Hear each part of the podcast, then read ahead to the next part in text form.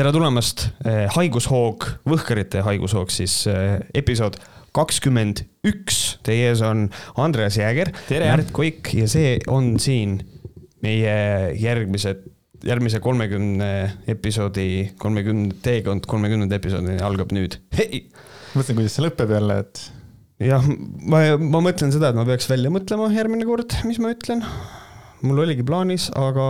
aga tead seda, et podcast on ikkagi äh, vaba suhtlus, et me oleme niigi rikkunud kõiki podcast'ide reegleid, arvestades sellega, et meil on dokument ja, ja välja mõeldud teemad peaaegu, nii et noh. me oleme põhimõtteliselt ikkagi nagu. meid eristab paljudest äh, podcast idest see, et, et me tahame, et meie podcast oleks hea jah, ma, ma olen Unfollow ma olen sinuga täitsa nõus, aga alustaks üldse sellest, et äh, räägi, kuidas sinu viimane nädal on läinud. Minu viimane nädal on olnud väga, väga, väga huvitav. kes nüüd võib-olla on endiselt segaduses, siis tõepoolest selle kahekümne esimene episood tuleb teie juurde juba nädal aega varem kui tavaliselt ta peaks nagu tulema järgmine nädal, aga me otsustasime edasi minna ühe tähtsa asjaga, milleks on siis mis ta oli, Merilin Taimre. põhimõtteliselt natukene selles valguses edasi sõita, sest et äh, Paljasporgand siis noh, oli, mis ta oli. Ja siis äh, kogudes inspiratsiooni meie järgmiseks, meie järgmiseks podcast'iks, siis juhtus see, et Kris Kala postitas ühe video. Ja siis selle video postitamine tõi endaga kaasa selle, et ma tegin live stream'i, kus koos ma rääkisin sellest, et kui rumal ja arusaamatu on, on selle inimese maailmapilt. Ja siis äh, sealt on veel äh, kuidagi äh, veel mõned inimesed on mulle roninud Discordi, tahavad minuga seal vaielda, aga nad ei oska eriti hästi, see on kurb. Siis on minu elu muutunud nii palju, et nüüd ma hakkangi striimima kolmapäeviti ja laupäeviti kell seitse et kuidagi minu viima-, minu viimane nädal on olnud selles mõttes veits sihuke kannapöördelik tänu sellele podcast'ile, mida me siin sinuga teeme, puhtalt sellepärast, et äh, ma nüüd olen rohkem, selle podcast'i pärast ma olen kuidagi rohkem selles, äh, kuidas, kuidas ma ütlen, alternatiivmeedias sees kui tavaliselt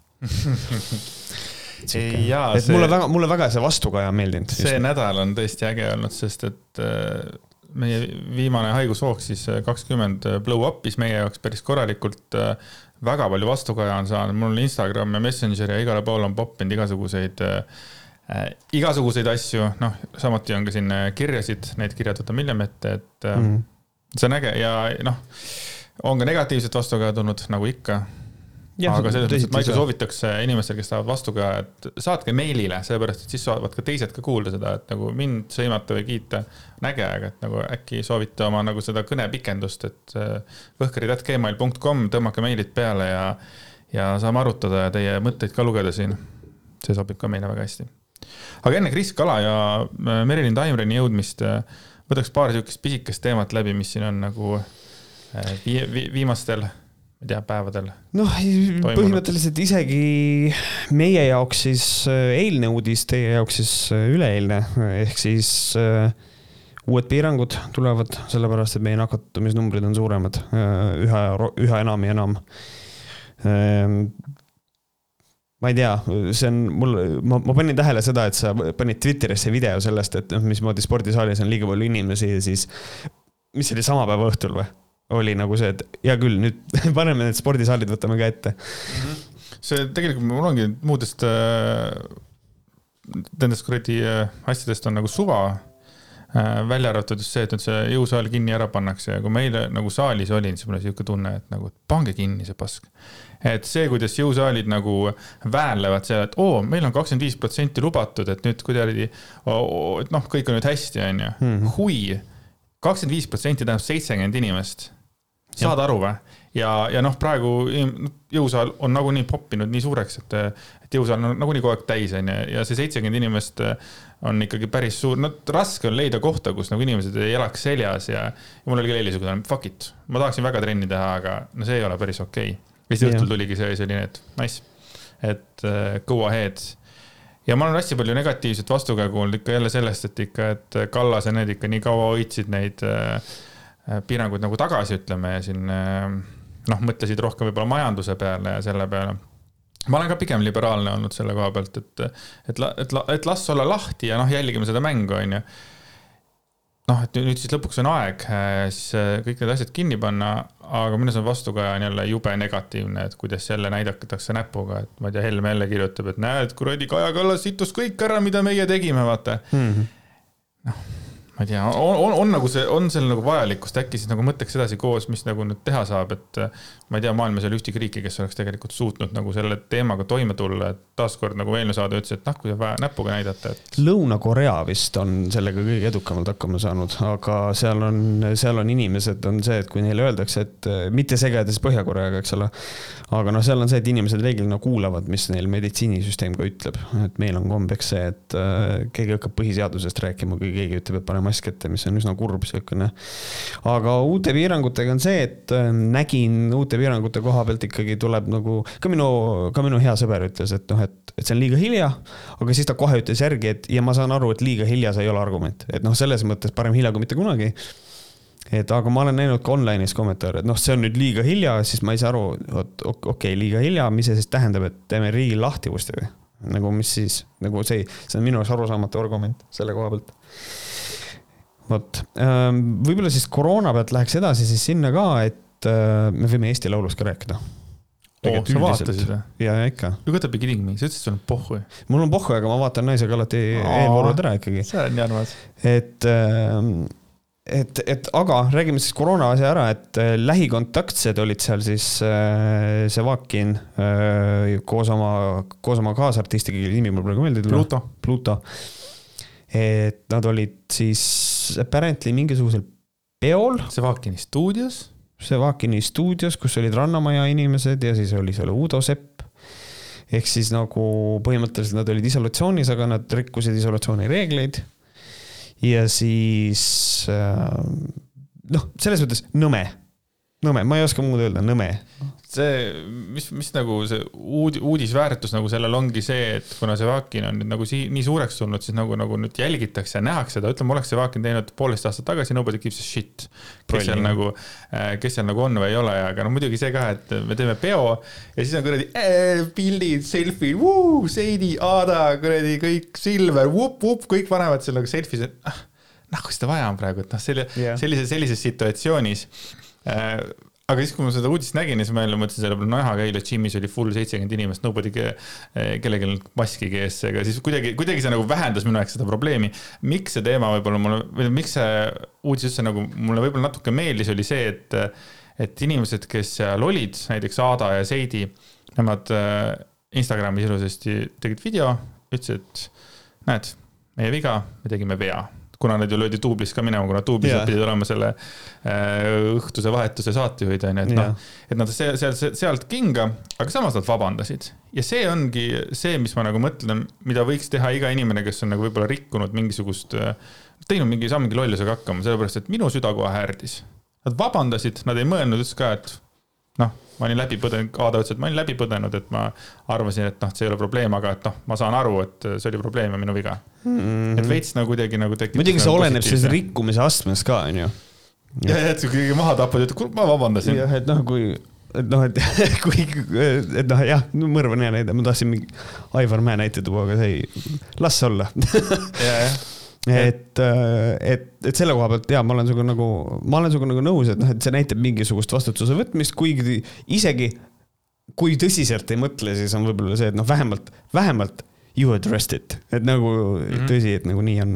ja ma, noh, see Vaakim on praegu vait olnud, et ma arvan, et tema teeb jälle video ja selgitab seal selle ära ja tema oskab minu arust väga hästi meediaga käituda, et, et see Vaakin on nagu musternäide sellest, kuidas meediaga, noh, ta teeb nagu Youtube'i video ja selgitab seal, et ta nagu ei viska mingisuguseid sõnu ja ta nagu ei anna mingisuguseid kommentaare, see mulle nagu meeldib, et ta kuidagi on nagu võtnud selle oma kätte natukene selle, et nagu noh, ta ei ole nagu ohver, et meedia peksab teda, vaid tema nagu enda kätte võtnud selle asja. et võtab, et nagu võtab natukene aega, enne kui vastab. just mm, -hmm. mis on väga mõistlik. väga, see on väga mõistlik. siis äh,, aga räägime siis Eesti Laulust juba ka, kui me juba Sevakini puudutame. kas sa oled rahul sellega, et Uku Suviste sõidab uuesti, tähendab, et Uku Suviste sõidab nüüd täiesti esimest korda äh, Eurovisioonile jah, selles mõttes, et, et laias laastus äh, vahet ei ole ma arvan, et, et ma isiklikult andsin ka sissi poolt hääle, kui seal see lõpus oli, et ma võtsin talle telefoni ja andsin selle hääle, seepärast et noh, pigem oleks tahtnud, et keegi teine läheks võib-olla mm -hmm. natukene äh,, ma ei tea, moodsama looga selles mõttes, et veits ehmatas ära küll, et kui need suvalised, suvalised välismaa jorrid, kes sinna olid tõmmatud, mingid täiesti suvalised vennad mm. -hmm. tänava pealt arvatavasti oli võetud seal vanalinnast mingid suvalised äh, välismaalased ja siis, et kui sealt vaatasin, et Uku oli seal kuskil väga taga seal nende, siis okei okay et välis, kohe ma panin ka selle patta, et välismaalasi ei koti Uku mm. -hmm. et see võib-olla pani korraks mõtlema, et selles mõttes, et laias laastus mina ei tea, minule meeldis isiklikult Koidu laul kõige rohkem. mina olin, äh, mulle meeldis lihtsalt puhtalt sellepärast, et see on veits siukene 80's vibe oli sellel juures, oli Suured tüdrukud. mulle meeldis Suured tüdrukud ja siis, kui äh, lõpp äh, oli seal valikus, siis ma olin ka, et noh, ma ei tea, pigem Sissi mm. -hmm no lihtsalt mõtle, isa käis sul seal, käi, käi ka ära siis. kui ilus lugu see juba on, et tavaliselt need lood ikkagi ka nagu mm -hmm. äh, noh, mitte lood, selles mõttes, et nagu see lugu, mis seal loo taga on, et mõnikord need teevad nagu suureks selle, et sissi, et tema isa võitis kaks tuhat üks aasta Eurovisiooni, nüüd tuli tema, tema unistus on ka võita, vot tead küll, kuidas Marko Reikop yeah. räägis selle häälega seda praegu ja siis igal pool välismaal räägitakse, oo, näed, see on see laul, tema isa võitis, vaata, vau. ja kuidagi seal on nagu mingisugune lugu selle loo sees, et äh, lood loo sees meeldivad minu arvates yeah. Äh, publikule või siis nagu sellele. aga kuidagi läheb rohkem peale see lugu, et aga Ukult rööviti see võimalus mm. -hmm. see läks nagu rohkem peale. ja see oli ka eriti kurb muidugi, kui kohe võeti need ennustustabelid välja ja Uku oli juba kahekümne esimene ja mingisugune kuus riiki olid eespool, kellel ei olnud valitudki veel mm. eurolaulu, et nagu the fuck, vaata. ja, ja kusjuures ja, ja veel laul, mille ma tahaks välja tuua, oli see, et lugu, mis mulle nagu ei meeldinud justkui alguses, ma ei pööranud talle tähelepanu. aga see hakkas mind kummitama, refrääni osa. Redel? Ei Redel mulle ka meeldis, aga nagu, aga see oli see Kutt Mauritiuselt, see, kes laulis seda One by One'i mm. -hmm see lugu oli mul lihtsalt hmm, hmm, kogu, fuck et nagu tegelikult see oli nagu, see oli nagu hea, muidugi kui ta oleks võitnud, siis oleks jälle, aga miks see Eesti Laul on, oleks hakanud jälle see jutt olema, ma juba, ma juba nii selgelt tean seda.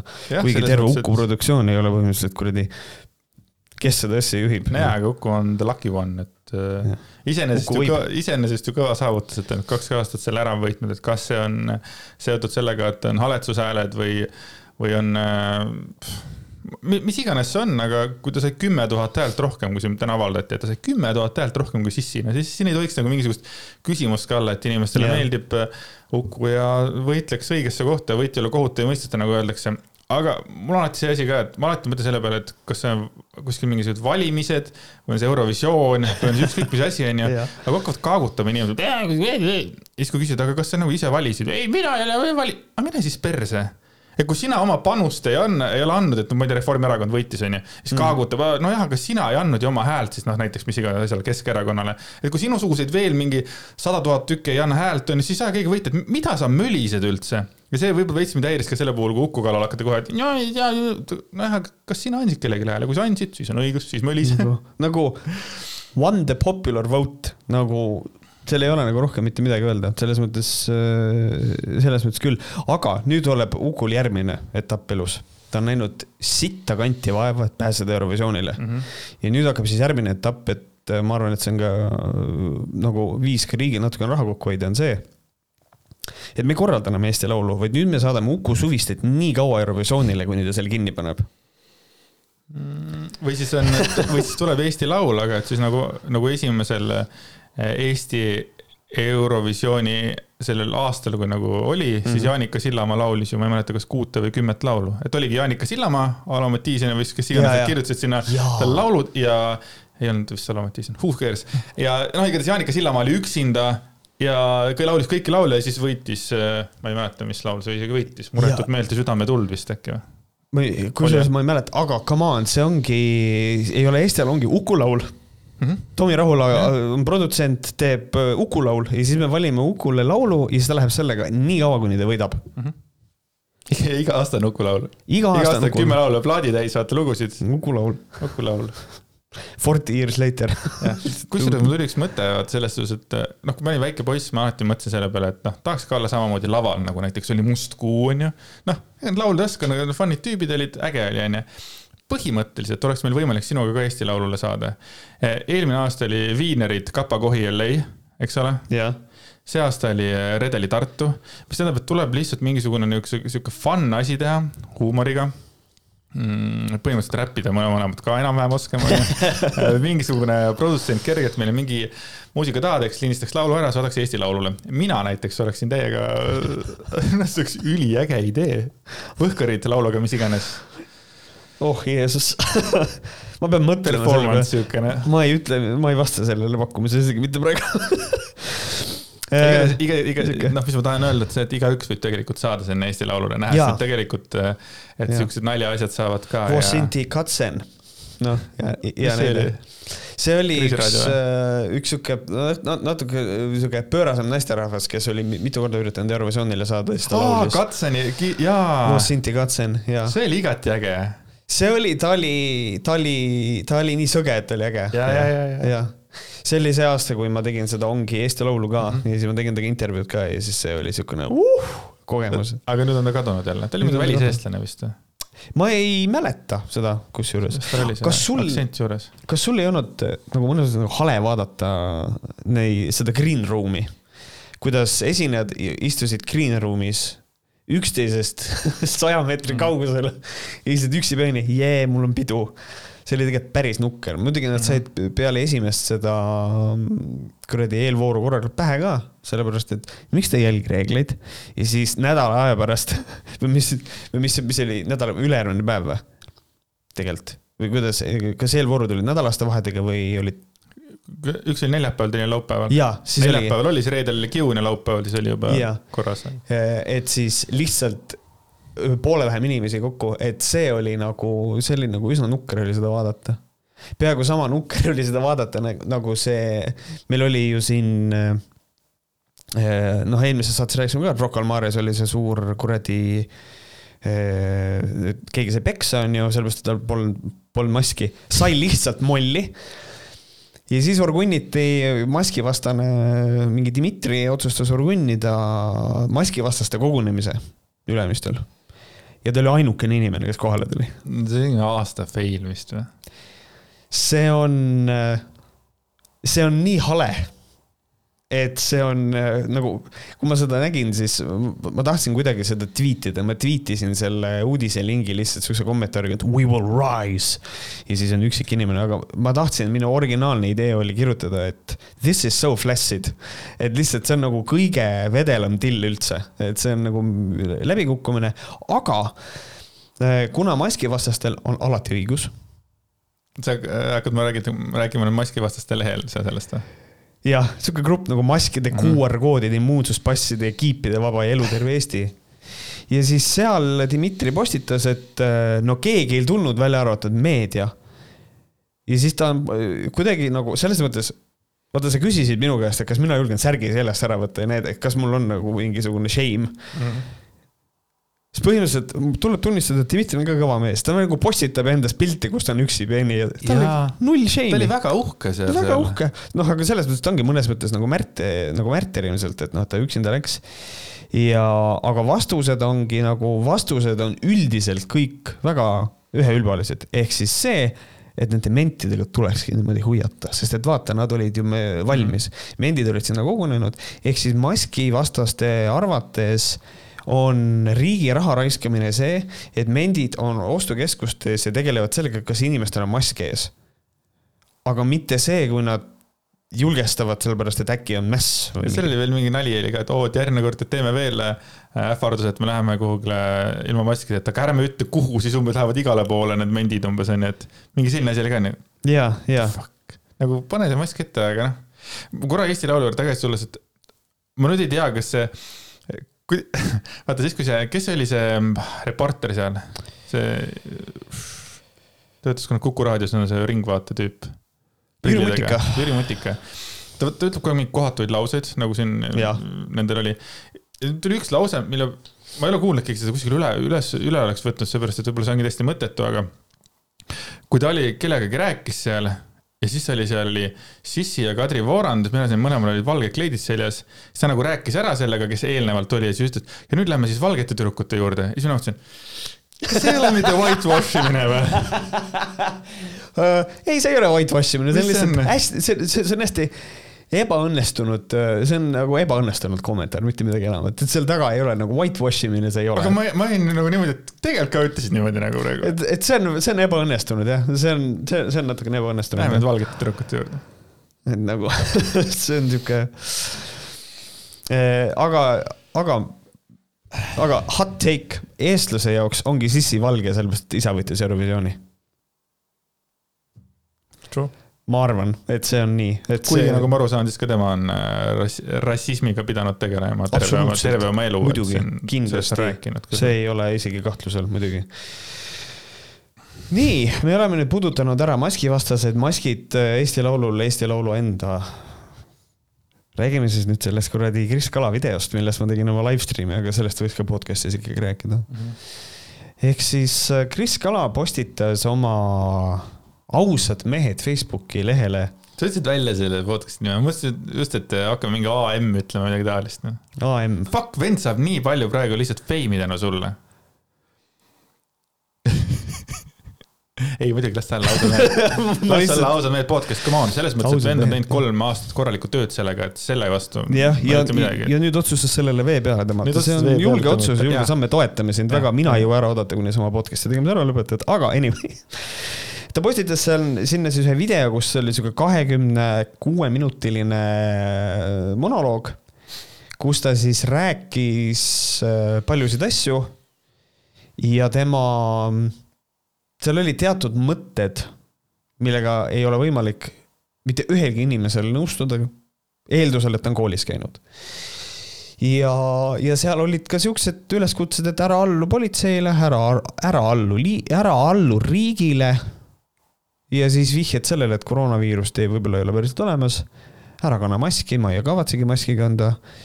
ja siis äh, tagasihoidlik arvamus, et äh, need asjad on reaalsed, ainult need asjad on reaalsed, mida me vaatleme.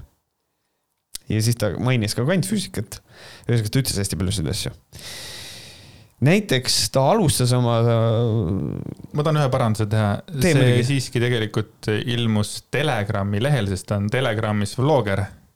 Ta teeb ta teeb vlogisid Telegrami, et see oligi minu arust nagu arusaamatu, et miks ta ausad mehed podcast'i äh, Fesari lehe seal üles paneb, see ei ole seotud ausate meestega mitte kuidagi.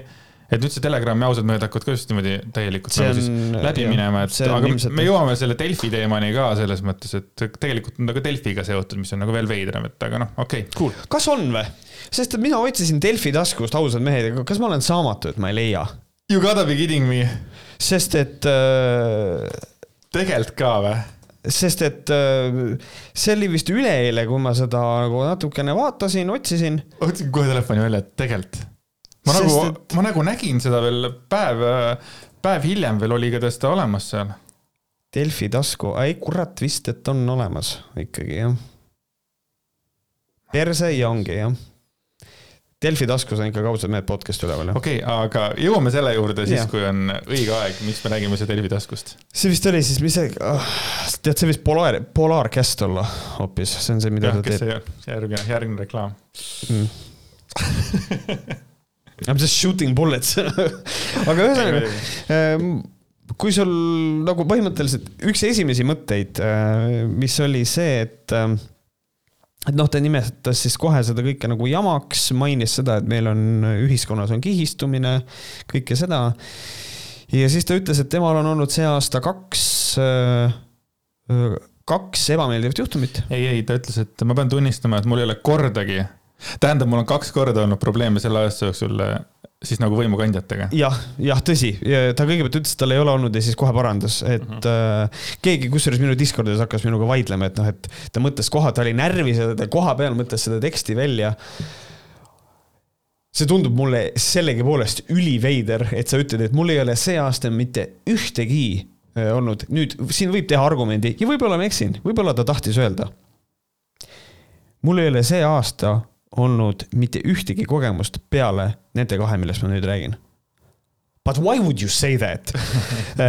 aga ühesõnaga, tal oli kaks, kaks olukorda, ebameeldivat olukorda siis võimukandjatega, nagu tema ütles, kellest eh, ühel näol oli tegu politseiga, teisel juhul turvamehega. nüüd turvamees ei ole otseselt minu arust riigivõimu kandja. või ta mõtleb võimukandja. ei ta mõtleb, ma ei tea, mida ta mõtleb ju et noh, küll ma tunnistan, see on nagu nitpikkimine, on ju, et noh, mõnes mõttes me võime öelda, et turvamees on hierarhiliselt sinust kõrgemal kohal ja, aga noh, see, aga see. temast see ei ole. minu pärast ole sa või Eesti president või. aga me jälle jõuame sinna. me jälle jõuame sinna, aga see ongi kummaline, et, et nagu see, et hierarhilised suhted tema arust nagu vist ei, ei saa eksisteerida, välja arvatud siis, kui see tema seda õigeks peab vist, aga ühesõnaga, et turvamees tuli tema juurde Paide Selveris, ütles, pane mask ette. ja siis tema argument oli see, et kuna tal oli mask ees ja ta rääkis niimoodi, et siis ta ei kuulnud teda, ta ei saanud nagu aru. ja siis ta sealsamas videos paneb endale käe suu ette ja ma kuulen teda palju paremini ja ma mõtlen, sul on, sul on käsi suu ees. mis on neli korda või kümme korda paksem, on ju. kui nagu mask. What the fuck are you smoking, et nagu et hullult ebameeldiv on ja mis sa, kas sa nagu, kas sa ütled siis ka, et sul on ebameeldiv, kui inimesel on mingisugune füüsiline puue ja ta räägibki mingi defektiga, siis ütled ka, ma ei saa sinust aru, mis sul viga on või? tee suu lahti. et nagu selles mõttes, et küsi viisakalt, palun vabandust, ma ei saanud aru, kas sa saaksid korrata või rääkige palun valimini, ma ei kuule, no jesus christ, noh uh,. Holy fuck, anyway uh,. ja siis teine oli uh,, teine oli politseiga tähendab, no mida ta veel ütles, oli see, et ta vastas väga viisakalt ja väga otsekoheselt. ja ta pidas videos vajalikuks öelda, noh, nagu ma olen. ja ta ütles seda kogu aeg. ma olen viisakas. kas sure. te ise ei usu seda? ei, ma just mõtlen seda, et huvitav, kas ta nagu, et see otsekoheselt, et otsekohene nagu ma olen, ta mainis seda kogu aeg. miks ta peab seda kogu aeg mainima? kui ta on otsekohene, et siis inimesed saavad sellest aru, et sul ei ole vaja või sa nagu ei usu ise, et sa oled otsekohene, sa pead mainima, et sa oled nagu nii kõva vend. ei, ma olen nii otsekohene nagu, nagu need tead, ma arvan, et see on mingi sisseõpitud vabandus, et ta on võib-olla paar korda saanud vastu näppe mingisuguse okay. väljaütlemise pärast okay.. et kuule, et kas sa päriselt ka arvad nii, kuule, ma olen otsekohene, onju. Mhm. et see on, või see on see vabandus, et tead, ma ütlen otse ja ausalt. ja siis ta käib välja mingisuguse täiesti galaxy brain'i mingisuguse argumendi, mis on nagu see, et meil tegelikult, meil on reptiilid ümberringi, noh, näide, noh, see on näide, eks ole. et võib-olla see on, tuleb nagu selle pealt, et ta on teinud teadliku valiku mitte kand-, mitte kanda maski ja ta rõhutas, et asi ei ole tervises et noh, asi on nagu ilmselt siis mingis põhimõttes, et maski kandmine on nagu vale. siis oli see ka, et Turamees hakkas tal rääkima tervisest ja muust huinamuinast. ta ütles tervisest ja muust huinamuinast. kas nagu see ei olegi point tegelikult, see tervislik, aga Mi, tervisest ja muust huinamuinast. mis see muu huinamuina on, see on ülioluline nagu jaa, aga siis igatahes turvamees, turvamees vaatas ta, ta kirjutas, ta ise ütles, et turvamees vaatas mulle otsa, nagu ma oleks idioot.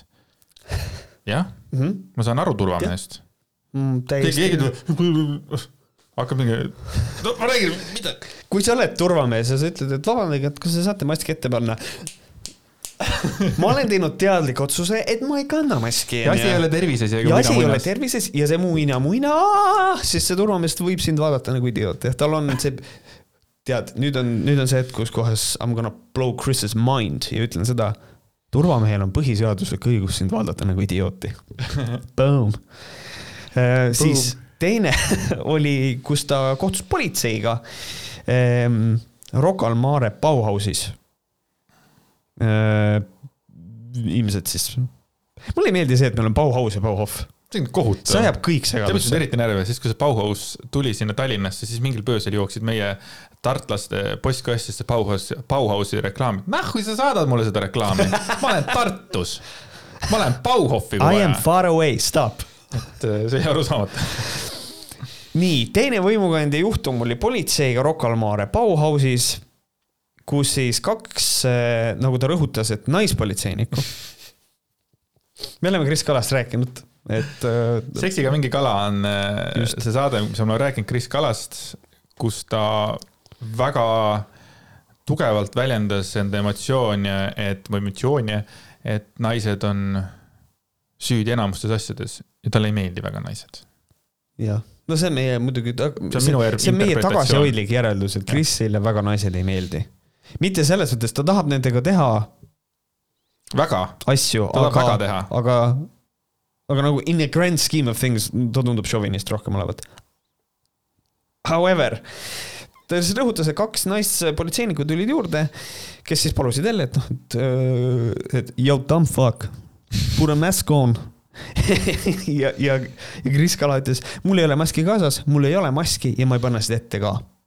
ja siis ta ütles, ma oleksin võinud viisakam olla, aga ma ei oska valetada ja ma ei lase endale pähe istuda. hull pähe istumine, palun pange mask ette. palun pane mask ette. minu tuppa. politsei äh,. jah, sa, sa tuled minu tuppa, onju. ma ütlen, palun võta kingad jalast ära ma ei lase endale pähe istuda. ma ei lase endale pähe istuda, ma ei võta kingi jalast ära. Äh, vabandage, kas te teate, et siin on viiekümne ala, te sõitsite üheksakümnega? ma ei lase endale pähe istuda mingil mendil, onju. ma sõidan nii kiiresti, kui ma tahan. leia mulle põhiseaduses see koht, kus on kirjas, et ma ei tohi sõita üheksakümnega viiekümne alas. seda ei ole seal. seda ei ole seal muidu Joel Steinfeld tuleb, et äh, kuskil lasteaia juures on ju, tahab pihku, ütleb, et näed, äh, mudilased on seal ja siis õpetaja ütleb, et äh, vabandage, minge ära, et mis te teete siin. no jaa, aga ma ei lase endale pähe istuda, ma tahan ma lapsi nikkuda. näita mulle põhiseaduses seda, vana hea ehm,. et siis noh, see on, minu märkus on see, et noh, mina leian seda, et Kris Kalal on mingisugune probleem ilmselt võimuga üldse. tal peab olema mingi autoriteediga issue ma saan sellest aru, mõnes mõttes ma nagu suudan samastuda, mul on veits nagu sama case äh, sest et ma olen käinud ajateenistuses ja ma tean seda ah,. sellest räägime, ma mõtlesin, mis sulle ka naispolitseinikud ei meeldi ühti või äh,? ei tead, ma, tead, kõige hullem asi on see, kui naisel on võim käes. ei, mul ei ole, mul on täiesti suva sellest. aga, aga ma nagu suudan mõista seda, et noh, et siin võib ärritada see, kui äh, keegi käsib sul midagi teha, ma saan sellest aru kaitseväes on need süsteemid muidugi hoopis teistsugused. aga, aga nagu see on nii arusaamatu probleem, on ikkagi see, et tere, vabandust, et kas teil mask on? ja siis sa lähed nagu tilti sellest ja su argument on see, ma lasen tal pähe istuda. kas sa ei ole valmis üldise rahvastiku hüvangu nimel panema maski ette või? What the fuck is your problem? Mis sul, millega sa kodus tegeled, et sul on nagu sellised prioriteedid nagu. minu arust on see nii arusaamatu. ja siis ta ütleb seda ka, et noh, ma ei lase endale pähe istuda, et ma seisan oma arvamuse ja oma arvamuse ja põhimõtete eest. ja nüüd mul tekibki nagu see küsimus, et huvitav, kas ta nagu teistelt inimestelt ootab sedasama käitumist ka või? et teised oma põhimõtete ja arvamuse eest seisavad, nagu meie siin nagu et, näiteks... et, et ta ei tunne ennast halvasti, kui me temast räägime. see on nende õigus. see on okei okay.. see on nende õigus. kui näiteks Kris Kalala naaber on täielik rassist mm, -hmm. absoluutne täielik rassist, ütleb, et kõik mustanahalised ahju. tal on oma põhimõtted, ta seisab nende eest, kas see on ka okei okay, okay.? Joel Steinfeld Joel Steinfeld, meeleheitlikult, lihtsalt, still kõik. tal on omad põhimõtted. tal on omad põhimõtted. tema põhimõte on see, et lastega võib seksida ja selle, miks, kas tahate öelda, et ta või selle tema. ja aga nüüd võib-olla ta küsiks vastu, no jaa, aga maski kandmine on hoopis midagi muud. ma olen nõus, ma olen nõus see, ma, ma võin selle teema uuesti tõstatada, kui me räägime paljast porgandist veel täna. kuidas on võimalus luua valesid, nagu vale, valesid võrdluseid. ja, aga nagu kui ta ütleb nii selgelt nagu seda välja, et, et, et et ma seisan oma arvamuse põhimõtete eest, see on nii üldine lause, et nagu kui kellegi arvamuse põhimõte on olla nagu fundamentalistlik rassist, nagu siis see siis on okei okay või, Kris? I don't on või? sest et nüüd on see koht, kui, kui Kris ütleb, et ei, see ei ole okei okay,, siis kukub tema süsteem ka kokku nagu. et siin ongi nagu see, et see maailm, kus me elame, on erinevate konstruktsioonide kompromiss. ja nagu me ei saa kõike lubada ja me ei saa kõike keelata, et siin ongi nagu see, et noh, mul on selline tunne, et on nagu see põhiseaduslane, et tema jaoks vist on ainult põhiseadus see seadus, mis kehtib, kõik ülejäänud on mingisugune reptiilide Kas kusi. põhiseaduslane on sinu välja mõeldud sõna? jaa, ma praegu mõtlesin selle välja. see on üliarmas. sellepärast, et noh ähm,, USA-s on liikumine, kus kohas inimesed äh, usuvad põhimõtteliselt, keskenduvad ainult äh, konstitutsioonile. ja need, nende kohta öeldakse constitutionalist mm ja siis ma põhimõtteliselt põhi, põhiseaduslane, et ilmselt midagi sinnakanti, sellest on, sellest on kindlasti mingi täpsem sõna olemas. Write it in the comments or send it to my, to my email please mm. -hmm. aga. Ja siis ta jätkas. ja siis ta jätkas et, seda äh, sellega, et. mitte ükski asi ei saa olla kohustuslik, ma ei kuulu riigile ja see oli esimene kord, kus ma panin selle video pausile, tõusin püsti, läksin teise tuppa ja karjusin oma naise peale oota, miks sa oma naise peale karjusid? sest et ma ei suutnud oma emotsioone vaos hoida okay.. Liisa lihtsalt naeris, sest et nagu lihtsalt mitte ükski asi ei saa olla kohustuslik ja põhjendus on see, et inimene ei kuulu riigile. tema ei kuulu riigile. noh, et mina ei kuulu riigile, ma ei kuulu riigile, ütles Kris Kala. mitte ükski asi ei saa olla kohustuslik. There's a lot of laws that disagree with you, sealhulgas Eesti Vabariigi põhiseadus.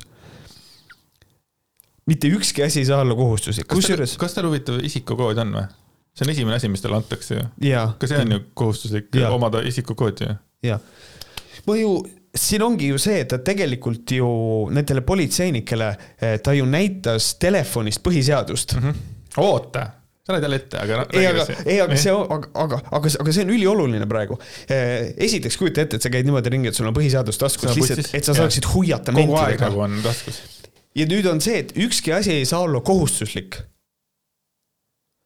välja arvatud siis põhiseadusele allumine või nagu, nagu Aa, sa pead, nagu sa pead olema nagu suuteline aru saama, et sa vaidled iseendale nagu kogu aeg vastu see on oh., see on nii loll et, et nagu selles mõttes Eesti Vabariigis on väga lihtne ülesehitus. kui sa oled Eesti Vabariigi kodanik, which you are, sul on õigused ja sul on kohustused. Sa võid öelda, et ükski asi ei saa kohustuslik olla, sa võid seda öelda, sul on põhiseaduslik õigus öelda, et sul ei ole kohustusi, aga tegelikult de facto on. So fuck you. et nagu sellepärast, sa maksad makse, on ju, siis keegi tõi mina minu... arvan, et tema ei maksa makse mina olen aru saanud, et ta ei käi tööl, vaid ta elatub mingitest äh, a la podcast'i asjadest ja ma kahtlen, et ta makse maksab. Ma muidugi tema perekonna kohta ei tea, aga ma räägin, et tema, ma ei ole kindel, aga mulle tundub, et ta ei maksa makse sest peale selle, et ta kooli pooleli jät-, jättis, siis minu arvates ta on töötu. nojah, kui kool ikkagi tahtis teda ilmselt programmeerida äh, masinaks, äh, kes allub reeglitele. kes teab, see võiks muidugi teada anda, et mis see haridus Kris Kalane on, ma tean, et ta on rääkinud mitu korda, et jättis kooli pooleli, aga millest me räägime, kas me räägime algklassid, me räägime põhikool ma rohkem mm. ei pakuks. no kaudses mõttes ma võin alati, ma tegin selle argumendiga oma live stream'is tegelikult, kaudses mõttes me võime öelda seda, et ta kaudses mõttes maksab ju käibemaksu ikkagi. et nagu selles mõttes, et kui ta, kui ta läheb poodi, ma saan aru, eh, kuidas mulle vastu vaieldakse, ma juba, ma juba saan aru. sa oled samm ees juba mõtetega. Eh, ja, et siin on see, et ta läheb poodi ja ta maksab toote eest ja tootele on pandud põhimõtteliselt käibemaks juurde. ta põhimõtteliselt maksab seda, aga tegelikult on niimoodi, seda võib argumenteerida ka niimoodi, et ei, ma maksan seda, mida pood küsib mu käest mm. -hmm. ma maksan selle eest, see on poe nagu sissetulek ja selle sissetuleku pealt makstakse käibemaksu ja seda teeb see ettevõte, mitte Kris Kala. Sure, aga miks Kris Kala maksab asjade eest? näita mulle põhiseaduses, kus on kirjas, et sa pead maksma asjadest kas maksmine on kohustuslik või? mitte ükski asi ei saa olla kohustuslik. jaa, miks ma pean maksma selle asja, see ei ole, mitte ükski asi ei saa olla kohustuslik, ma ei kuulu riigile. jah, mitte ükski asi ei saa olla kohustuslik. veel vähem kuulun ma mingile ettevõttele, et ma lähen Maximasse, võtan asju, ma ei pea maksma selle eest. ilma maskita. muidu ta ütles, et ma ei hakka kunagi maski kandma, ma ei kanna ka, tal oli video ees alguses mask, mis tähendab, ta tegelikult ju vaidleb endale vastu, et ta ikkagi kandis seda, ta ei hakka mitte kunagi kandma, vahet ei ole, et see oli kasvõi provokatiivselt näidata, et see on nagu nõme, aga ta ju kandis seda. Just saying. jah sihuke nitpikk, aga noh ikkagi mm, -hmm. et um.... no see on see ka, et meil on endiselt vaba maa, ma olen vaba hing, mina otsustan ise, mida ja kuidas ma teen. täpselt nii kaua, kuni sa seadust ei riku, jah mm., selles mõttes, sure. et see on um, ja siis mulle meeldib see mõttelõng ka ja siis ma ütlesin talle, et ma ei pea seda kandma, et see ei ole kohustus ja siis ta hakkas mind ähvardama, ütles mulle, et lähme autosse, vaatame autost paberid välja, tal on autos mingid paberid välja prinditud või ma ei saanudki aru, kusjuures ma imestat aru ei saanud. kas ta, kas ta tahtis mulle kohe trahvi teha? ja siis äh, läks täitsa närvi, oli vihane ja momentaalselt ärritus. no selles mõttes, et nagu ma ütlesin ka, et tegelikult, noh, tegelikult sellepärast, et politseinikul ilmselt, Kris Kala ei olnud esimene inimene, kes ütles talle, et miks ma pean maski kandma mm. -hmm. tõenäoliselt lõpp, ühel hetkel nagu see hea tuju, hea tuju, mida üritab politseinik päeva jooksul üleval hoida, see amortiseerub ühel hetkel ja ta lihtsalt ütleb, you know what, fuck, tule autosse raisk.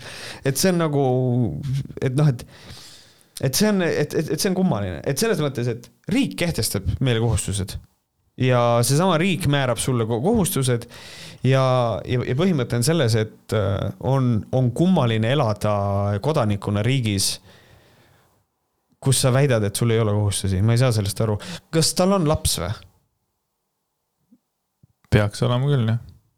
sest minul toodi chatis hea asi, et, et aga tal lapsel on haigekassa raudselt. et siis ta ju tarbib ju riigi hüvesid ka ja kui sa riigi hüvesid tarbid, siis kuidas sa saad öelda, et sul ei ole riigi ees kohustusi mm? -hmm. no ma nüüd muidugi ei tea, noh, ega lapsel ei ole ju tegelikult tema pärast ju äh, see haigekassa ju. ei no jaa, aga äkki... ei no jaa, aga riik annab tema lapsele haigekassa. aga tema ei allu, aga võib-olla laps allub. et laps on teisitimõtleja, laps on süsteemi poolt äkki, äkki ongi asi selles. või kas, või kas ta saab öelda, et ta ei taha lapsele äh, seda haigekassat, I wonder, ei saa vist. sest et riik on nagu see, et no, no, no, no, no, no ei mm., võta haigekassa. ma ei, ma ei tea. see on niisugune, et ühesõnaga, et nagu kummaline on nagu riigi hüvesid ise hetkel tarbida. ka see, et sa saad vabalt rääkida seda, mida sa tahad, on mõnes mõttes riigi hüve, sest et riik laseb sul rääkida. noh lolli juttu avalikult, et noh, see on lihtsalt. aga see on see, mis ma eelmine saade unustasin öelda, kui me rääkisime maskivastastest, et, et milles see point on, et kui öeldakse, et et äh, suukorvistate mind, et siis ma hakkasin mõtlema, et ma ei tea, mind ei suukorvista keegi, ma kirjutan artikleid, teen podcast'e, kasutan maski kolmkümmend minutit nelja päeva jooksul, ütleme, kui mm -hmm. ma mhm. poes käin. kuidas see on maski või kuidas see on minu suu korvistamine, rääkimata sellest, et mingi süsteem ja meid tahetakse orjastada, kõik tehakse nii kiiresti, aga samas need inimesed, kes meid orjastavad, kannast-, kannavad ka maski. et ke, kellele siis see nagu, kelle hüvanguks siis see on, et meid pandi maski kandma? Jah, see on, no ongi. kes see ja. nagu sellest, kes see sellest võidab? Äh, siin varsti tuleb ka see mingisuguse lammastega võrdlus, sinna ma tahan eriti veel jõuda, seepärast mul on sita auguni sellest lammastega võrdlusest. aga noh, äh, mulle meeldis see, et äh, sa olid siia kirjutanud, et kujuta ette, et sul on telefonis põhiseadus valmis pandud, et ta saaks vajadusel mentidega huiata, mis sul eraelus valesti on et ta selliste asjadega, et sa selliste asjadega tegeled, see on sama asja kohta, et sul on see põhiseadus lahti kogu aeg ma lihtsalt kõnnin, mul on lihtsalt telefonis, mul eraldi fucking tab mm -hmm. lahti põhiseadusega. äkk. kui sa oleksid kõva mees, sa õpiksid vähemalt pähe midagi sealt nagu. et see on äh.... tõesti, mis on su elus nii valesti läinud, et sa pead põhiseadust, kas sa teed kogu aeg, nojah, tegelikult jah, ta ei allu riigile yeah.. ta ongi valmis kogu aeg jälle näitab, võtab, näitab mingi seadust jälle. kuigi äh, põhiseadus on siiski asi, mida tuleb järgida ehk see on kohustuslik, kuigi te enne ütlesite, ükski asi ei saa olla kohustuslik. ja kas see on, tääb on kogu aeg lahti või on ta siis nagu telefoni lukka pealt ära ma ei tea, aga, aga see on nagu, see on nagu, see ei ole isegi nagu nali, et see on, see, see on, see on selline ülilapselik käitumine on nagu see, et vabandage, et kas teil maski ei ole, siis ja siis võtab taskust telefoni et see on noh, nagu sa oled ju, sa oled ju, sa oled täiskasvanud inimene, et millega, millega nagu me tegeleme. no minu arust sa olid siia, siia veel kirjutanud ka ennem, et ilmselgelt on tal allumisega probleeme mm. -hmm. selline asi, et noh, sellepärast ma saan väga hästi aru, miks ta ei tööta, ta ei ole tööline, puhtalt sellepärast, et tal on ka allumisega probleeme. et ta on võtnud nagu enda elu enda kätte, et sellest I can respect that selle koha pealt mm. -hmm. But still noh. jah, et no. see on nagu veits nagu lükatud äärmusesse mm. -hmm. ja siis äh, põhiseaduses ta viitab paragrahvile kaheksateist, mis ütleb, et kedagi ei tohi piinata, julmalt või väärikust alavant, äh, alandavalt kohelda ega karistada. kedagi ei tohi tema vaba tahte vastaselt allutada meditsiini ega teaduskatsetele. ja siis tema argument on see, et äh, see maski kandmine on meditsiini ja teaduskatse kuigi need katsed on ammu läbi, läbi viidud ja see on pigem, öeldakse seda, kandke maski, sellepärast et see näitab, et see pidurdab natukene viiruse levikut, see ei ole katse. Ehm, ja tahaks juhtida tähelepanu sellele ka, et need teaduskatsed, need on nagu need asjad, mida natsid tegid juutide peal, et kui sa tahad nagu nii kaugele minna, et võrrelda sõjakuritegusid maski kandmisega praegu, siis sa oled lihtsalt brain dead. siin ei ole, mul ei ole lihtsalt mitte midagi muud öelda, sa oled lihtsalt brain dead sellisel juhul. et see on nagu, sa võrdled siga ja kägu, et see on nagu kaks täiesti erinevat asja. et see ei ole teaduskatse by far ammu enam mitte. me saame praegu, kusjuures äh, me, me saame nüüd näiteks jälgida äh, ja teha selle pealt teaduslikke järeldusi, siis me võime tagantjärgi öelda, et näed, ikkagi oli teaduskatse. Not really, keegi ei vii eh, sihilikult sinu peal läbi teaduskatset. huvitav, kas ta sureb ära või ei sure ja kui sureb, on pohhui. noh, see ei ole nagu, that's not how it works mm. aga ma ei saa eeldada Kris Kallalt, et ta saab põhiseadusest aru, ma ei saa seda eeldada ja siis ütlebki selle lause, et minu arvates ma võin eksida, seda pole tõestatud, et mask töötab. Plausible deniability on see, see on lihtsalt see, et ta ütleb, et ma võin eksida. ma võin eksida, noh, ma toon hea, hea näite, kuidas saab sihukest asja öelda. ma võin eksida aga ma arvan, et eh, Varro Vooglaid mõtleb geiseksist. ma võin eksida. noh, see on täpselt, see on, see on, see on selline statement. et äh, ja tegelikult ma isegi, ma olen siia dokumendi kirjutanud, et noh, et äh, et noh, tegelikult on tõestatud, maski kandmine vähendab nakatumise tõenäosust. aga igalühel on oma tõestus, vaata, kui sa oleksid rääkinud seda maski vastasega, ta võtaks, tal on, on see tääb, okei okay,, sinna ma tahan ka veel jõuda, aga kui ma ei tea, kas meil on see kirjas äh,, aga et see tääb, oota, mis ma öelda tahtsin? Ma ei tea, ma ei näe millest me rääkisime, sa ajasid mul mõtte sassi et sellest äh, katsetest inimeste peal, et, et. aa, see, et äh,, see, et, et mask töötab, et, et ongi, et igaüks leiab endale selle vastuse internetis, mis, mis, mis ta leida tahab. absoluutselt. kui sul on vaja leida vastust, et äh, kuidas mask ei tööta, sa leiad, ma kujutan ette miljon kakssada nelikümmend viis tuhat kuusteist äh, uudist selle kohta, kuidas mask on, noh, põhimõtteliselt ei aita mitte midagi mm. -hmm. või siis vastupidi. Jah. igal asjal on, ma arvan, olemas kohe mingi. kindlasti, aga tihtipeale, kui nüüd hakata neid jälge ajama, siis äh, need teadusuuringud, mis ütlevad, et mask ei tööta, nende valimid on liiga väiksed, need on uuringud on sitasti läbi viidud. kes see hakkab otsima jälge ajama? Kris Kala ütleb ise siin varsti jälle, tulevikus, et äh, ärge usaldage peavoolumeediat või ärge lugege peavoolumeediat, sihukest asja nagu Delfi ja Postimehed, vaid lugege Telegrammi. Ta ja. võtab sulle Telegrami tääbi lahti ja ütleb ja siis proovi seda ka vaieldi, aga no ja, aga näed, siin ütleb niimoodi mm.. Ando Mariann tegid korralikult tööd, et selle välja siin uurida.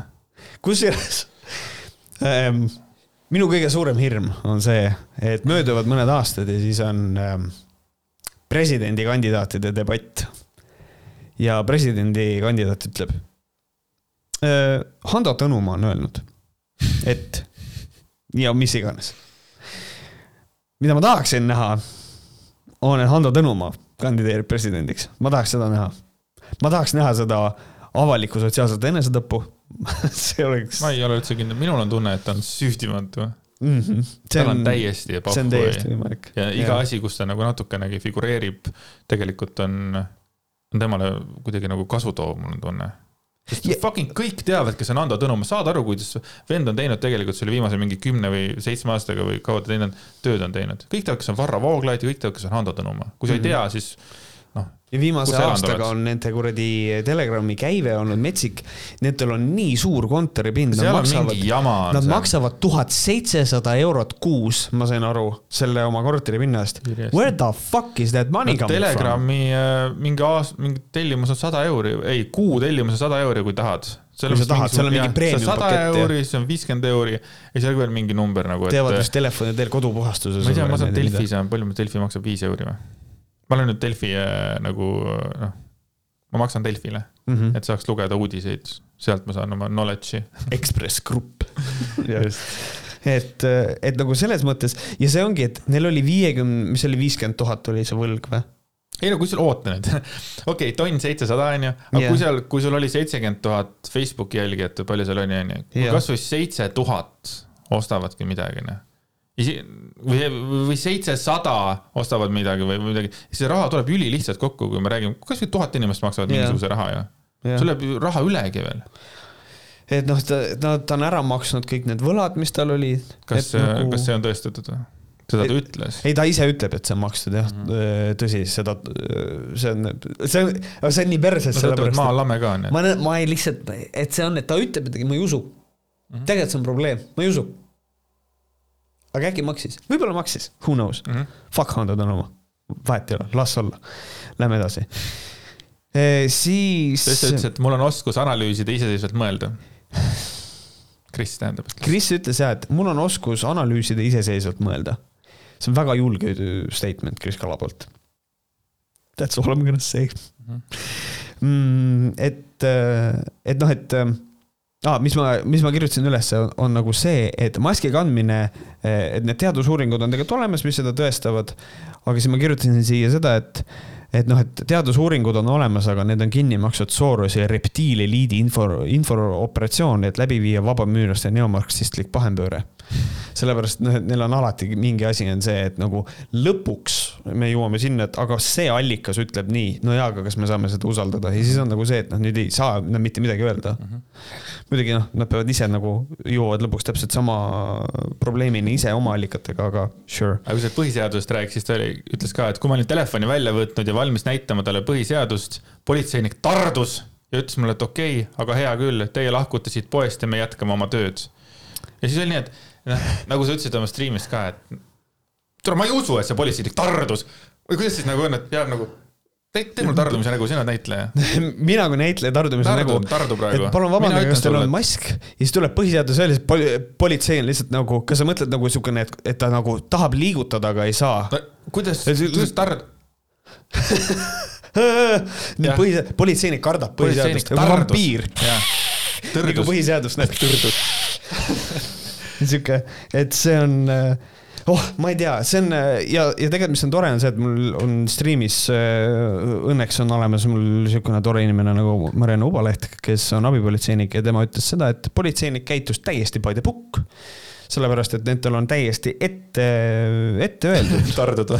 Et on vaja tarduda, jah et, äh, et, et ühesõnaga, et, et inimestel ei ole vaja hakata tegema teaduslikku selgitustööd. et ühesõnaga, et see, nad ei sega ennast sellele, lihtsalt on vaja öelda, et nagu on vaja südamele panna, et you are being a fucking asshole ja ongi nagu kõik. ja mulle meeldib tegelikult kogu selle asja juures see, et Kris Kala kogu selle olukorra juures reaalselt tundis, et ta võitis. kuigi nagu ma aru sain, ta pidi poest ära minema. Did you make your purchases though? või sa lihtsalt läksid poest ära? ta ei saanud Bauhausis osta asja ütles Bauhofi ma ei tea, kuhu ta läks. aga, aga see ongi nagu see loogika, et oo, ma nüüd ütlesin, oo, ma nüüd näitasin, oo kuradi, mul on põhiseadus taskus, no palju õnne, mine istu endale see põhiseadus sisse, sa ei saa süüa, sa ei saa endale kraani osta, sellepärast et sul on, sul on põhiseadus, ma ei tea no kujuta ette, kui see on see lugu. ma läksin täna poodi süüa ostma ja olin poes, olin poe ukse sisse läinud ja siis tuleb mingi ment juurde, noh. ja siis pane mask ette, mis mõttes pane mask ette, näitasin põhiseadust ja saad aru, ma, ta ütles, minge ära ei osanud midagi öelda, tulin ära. oota, oota, oota, aga poes äh, ostsid ka? ei, ei, ei saanud, ei olnud aega no, kõht jube tühi, sul on midagi või? mõtle, on mingisugune hädaolukord nagu päriselt, ma loodan, et ei juhtu, et kellelgi perel juhtub midagi nagu yeah. rasket või kasvõi läheb mingisugune veetoru läheb katki või mida iganes on vaja nagu päriselt on kiiresti poest tõsta, läheb ja ta ei pane maski ette, vaib seal oma see põhiseadus käes yeah. ja tülitsevad seal ja karjuvad ja mida iganes, tema ei pane maski ette, siis ta läheb minema lihtsalt ja siis midagi veel hullemat juhtub, seepärast et sa ei pane lihtsalt seda korraks ette, sest et sinu põhiseadus, sa ei allu riigile ja mina arvan seda, et neid inimesi võiks, siin räägiti just rahatrahvidest ja asjadest, mina arvan seda, et rahatrahvi ei ole vaja, mina arvan seda, et võiks ÜKT-d määrata lihtsalt, ühiskondlikult kasulikku tööd. võib-olla panna näiteks koroonaosakonda tööle. või las korra prügitee äärest. see on ka meil Eestis on sellega probleem, et noh, et oleks natukenegi kasulik see inimene mm -hmm. meie ühiskonnale. siis ta käis välja veel sellise mõtte, et noh, et eh, see on osaliselt siis see, et miks, miks, miks politseile ei saa alluda, on see, et Eesti president, Eesti politsei, Eesti sõjavägi, need on sildid. keda huvitab, samasugune inimene, puudub igasugune kontroll minu üle. ma tahaks näha, kui meil kuulutatakse välja kuule, ta ei ole ajateenistuses ka raudselt käinud. kindlasti ei ole, see ei ole võimalik või on või? ei ole, ta on raudselt kuidagi sealt ära saanud. et, äh, et nagu meil on põhiseadusesse, vot see on huvitav asi, meil on põhiseadusesse sisse kirjutatud, et inimese põhiõigused võib piirata. Did you know this? et kui sa oled ajateenija, siis sinu põhiõigused võib piirata mm. The fuck are you gonna do now? sellepärast, et su oma põhiseadus, mis on sinu jaoks nii dogmaatiline dokument, ütleb sulle, et sinu põhiõigusi võib piirata vajadusel ta ei ole põhiseadust kaugemale lugenud kui kaheksateist paragrahvi. võib-olla kui ta edasi loeks, siis tal oleks nagu mind hästi blown, et nagu damn, see dokument vist on ikkagi läbi ka mõeldud, kui see on kirjutatud. et nagu selles mõttes, kui sa oled ajateenija, siis sul on äh, piiratud õigused, ehk siis sinu liikumist piiratakse. sinu mõttevabadust piiratakse. keegi tahab kindlasti sellele vastu vaielda. Fuck you, piiratakse ikka et, et nagu selles mõttes, et ja et Eesti president eh, on silt ainult, see on ainult silt mm. -hmm. politsei on silt, kapo on silt. pohhui, et need on institutsioonid. tere, mida sa teha saad mulle, äh? samasugune inimene nagu mina, jah. Lähed, lähed politsei ütleb, mida sa teha saad, see on ainult silt. mis teha saad? Watch the fucker getting tased. lihtsalt nagu ainult silt, sure, jaa, see on, see on taser, see on ka nüüd silt. täiesti vereses. ainult silt. See on ainult silt. see on nii. doktor on, arst on arvatavasti silt. kuigi need on institutsioonid. tere küll labidamees on silt. inimesed, kõik on silt, nagu selles mõttes on, see on täiesti normaalne, me, me loome, inimesed loovad sotsiaalses sfääris äh, teatud konstruktsioone, teatud äh, kategooriaid ja me anname nendele kategooriatele nimed, absoluutselt, see, see on inimesele omane, sest et sildid nii-öelda, need teevad meie elu lihtsamaks, meil on palju lihtsam. Ole hea, ulata mulle see tool mitte ole hea, ulata mulle see puidust objekt, millel on äh, sellist, siis hakkad kirjeldama seda, noh, meil on olemas kategooriad ja sildid selle jaoks. inimesed toimivadki niimoodi. kusjuures mul päris tihti ei tule sõna meelde, siis ma ütlengi, et ole hea, anna mulle see, noh, see puidust asjakene sealt. Kris Kala saatis sõbra kutse just praegu sulle. Aga see on nagu, tema, mis ta ütles veel, et on see, et võtan vastutuse, et ma olen võimeline nakatama inimesi, et ma nakatan millegagi, mis võib-olla pole reaalne haigus, vaid väljamõeldud pask. Yeah.. minu küsimus on see, et kuidas ta võtab vastutuse, kui ta tegelikult, kui see äh, noh, kui ta kedagi siis nagu nakatab. kuidas see vastutuse võtmine on? kas ta läheb, ütleb, et jah, mina nakatusin või? Kas see ei ole ka mingisugune nagu teadlik äh, mingi, ma ei tea, kuritegu või, ei ole või? ta ei tea, mis asi on vastutus, ma arvan seda, ta, ma võtan vastutuse, mina nakatan. aga noh, üldjoontes ma võin teha siin selle argumendi, et ta ütleb, et äh, nakatan inimesi millegagi, mis võib-olla pole päriselt olemas. ehk siis ma võin öelda siin seda ka, et ta tegelikult ei võta vastutust, sest et ta apelleerib sellele, et seda asja võib-olla ei ole üldse okay, olemas. aga kui, aga kui oleks olemas, kuidas see vastutuse võtmine käiks, kas sa tead? kuidas ma saaksin võtta vastutuse, kui ma nakatan äh, praegu sind teadlikult?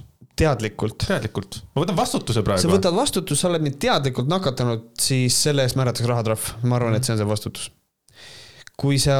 selge, siis ikkagi rahatrahv. lohakusest, äh, siis võib-olla ka rahatrahv, et siin on nagu selline huvitav, mis Aivar Kokist sai? kes äh, ka sai teada, mäletad kunagi oh,? See... tal on, ma sain aru, tal vist väärteomenetlus vist oli. Et ta ei ole, teda ei ole veel vastutusele võetud, kuigi ta teadis, et ta on koroonahaige kokku puutunud ja põhimõtteliselt. või ma, latest news'i ei ole mm., aga. ei, minu arvates ei ole sellest mingit uudist tulnud, see oleks mm. mul kohe jäänud nagu silma. jah, ja siis, tegelikult see et Eesti politsei on silt, mis me tahame nõustuda nendest välja. kas sellel inimesel puudub absoluutselt igasugune arusaam, mismoodi on ühiskond üles ehitatud? Kui kõik need asjad on sildid, kellelgi ei ole kontrolli sinu üle, siis ma, mul tekkis see küsimus, et äkki ta on anarhist. ehk siis meil ei ole hierarhilisi suhteid, mis ei tööta sellepärast, et hierarhiliste ja ma, et I know this, kui ma olin teismeline, siis ma, ma olin ka suur igasugune äh, tark inimene, kes istus mingi kaks nädalat õhtuti arvuti taga ja üritas oma perfektset maailma, maailmasüsteemi nagu Wordi dokumendis kirja panna, sellepärast et. milline oli sinu ideaalne? Idiootne täiesti. sarnaneb näiteks natukene sellega, mida ma siit loen. et nagu selles mõttes minu kõige suurem probleem, kui ma üritasin oma seda perfektset maailmasüsteemi. ütleks jälle kõik. sa oled, sa oled kinni makstud, kes, kes see pani sul need sõnad suhu praegu, sa oled kinni makstud või? George Soros Foundation arusaadav. et põhimõtteliselt mina jõud-, mina kusjuures jooksin hierarhia juures, sain aru, et kurat, see asi, mis meil tegelikult praegu toimub, it makes sense. sellepärast, et ongi, okei okay,, teeme maailma, kus ei ole hierarhiaid, teeme, davai nii. naaber varastab su täiesti paljaks. mis siis saab? hierarhiaid ei ole. mis siis saab? maksad kätte, kes sulle selleks õiguse annab? okei okay,, teeme külakohtud see on hierarhia, mis annab neile õiguse otsustada, mis annab õiguse neile otsustada, et sa pead nüüd näiteks või et su naaber peab äh, sulle asjad tagasi andma hierarhia nagu see ja see ongi see, nagu see probleem, et hierarhilised suhted, they have to be there. keegi peab olema ühiskonnas korrapidaja, et keegi viskaks prügi maha. keegi peab ütlema, kuule, korja ülesse. sest et see on, meil ühiskond muidu, muidu ei, muidu ei toimu. et see on, see on, see on, see on nii mhm. kurb, et ta ei ole nagu jõudnud selle arusaamani. no siis ta muidugi ütleb seda ka, et ma pole seda viiruse aspekti nii süviti uurinud äh, ma isegi rohkem ei viitsi siit lugeda, aga me jõuame siia tagasi, ma pole, jõuame, lõpus jõuame siia tagasi, aga jätke meelde, ta on öelnud, ma pole seda viiruse aspekti nii süviti uurinud. jah, see on hästi oluline tõesti mm. -hmm nii. Mitre see lemmik? nüüd vea. tuleb minu lemmikosa, sest et nüüd me läksime metafüüsikas. Kris Kala ütleb seda, ta juhib tähelepanu sellele, et inimeste tähelepanu on süüdi selles, et Covid on nii võimas. ta ütleb, et Covid saab eksisteerida ainult ühele asjale ja see on sinu tähelepanu. ja siis ta ütleb, see, millele sa oma tähelepanu suunad, see saab eksisteerida ja ta mainib, et see on füüsikaline või siis kvantfüüsikaline reegel. et ja siis ta ütleb lause, see on nüüd teadus. kvantfüüsika on olnud nagu teoreetiline teadus juba pikka aega, aga fuck that ja siis ma nagu tõingi nagu selle välja, mul hakkas keegi, kusjuures striimi chat'is hakkas, et oh Märt, sa paned nagu, sa, sa nagu võtad seda asja liiga otseselt, sellepärast et ta mõtleb seda, et inimesed keskenduvad viirusele liiga palju, see muudab inimesed närviliseks, nad kardavad ja siis nad äh, jäävad kergemini haigeks, sest et nende immuunsussüsteem on nõrk see kõik oleks okei okay argument, kui ta ei ütleks kvantfüüsikaline füüsikaline reegel, sest et ta räägib kvantfüüsikast siin. kuigi noh, tegelikult, kas see on kvantfüüsika, tead, las see jääb. ühesõnaga, ta ütleb seda, et eksisteerivad päriselt ainult need asjad, mida sa saad vaadelda, mida sa vaatled. kui sa midagi vaatled, siis see on päriselt olemas. meie mõte loob reaalsust, see, mida sa parasjagu vaatad või vaatled, see saab eksisteerida. ja siis minu ainu, minu, mul on ainult üks ainus küsimus, mis lükkab kogu selle väite ümber. kuidas ma saan midagi vaadelda kui ma, kui selle asja vaatlemine eeldab selle asja vaatlemist. kui ma midagi vaatlen, siis selle asja vaatlemiseks peab asi eksisteerima. aga ta saab eksisteerida ainult siis, kui ma teda vaatlen. ühesõnaga, kui ma mingit asja tahan hakata vaatlema, siis ma pean olema teda juba vaadelnud, et ta saaks eksisteerida.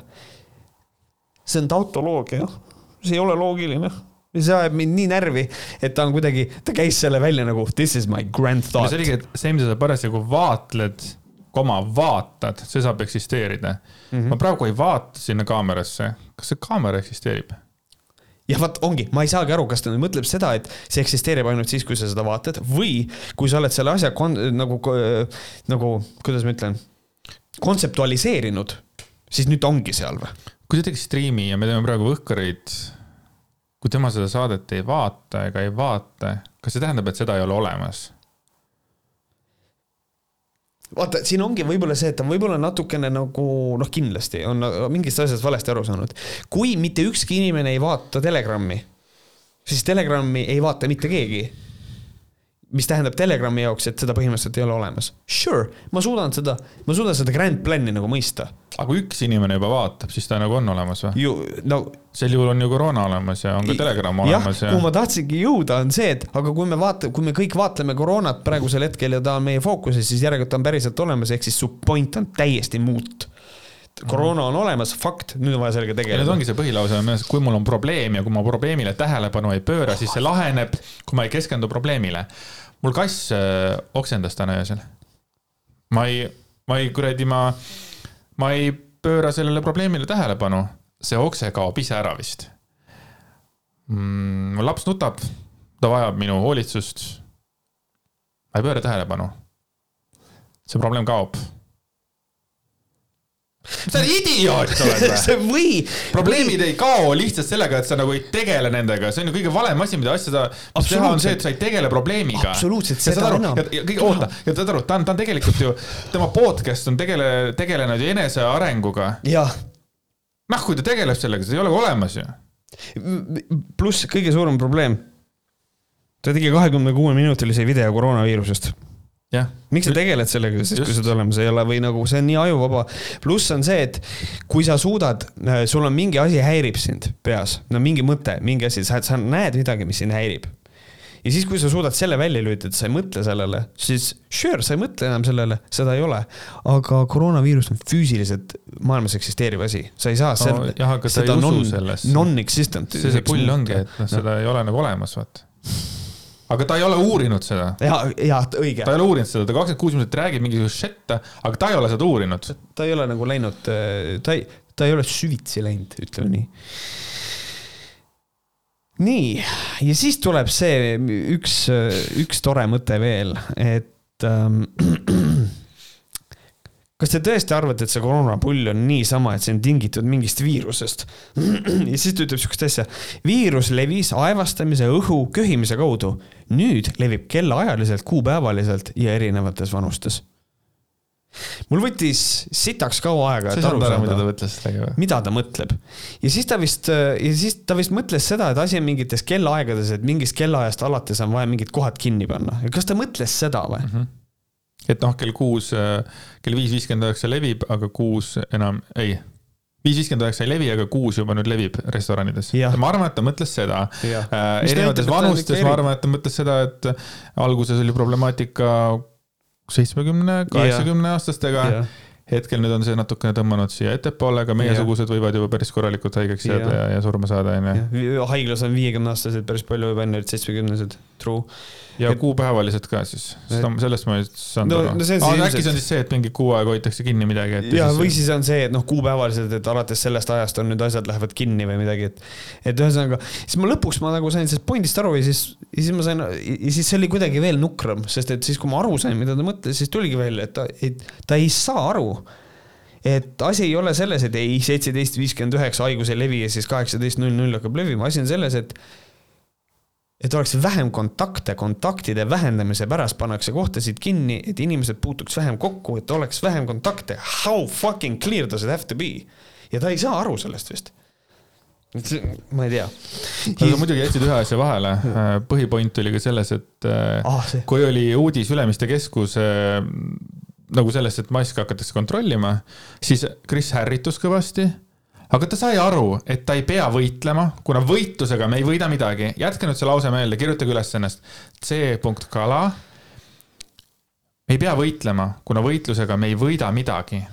ja tuleme selle juurde hiljem tagasi jälle. jah nii, ja siis ta ütles siukseid asju, et ei, ma olen rohkem kui sada protsenti veendunud, et selle taustal tehakse ära mingi, midagi väga olulist siin ühiskonnas.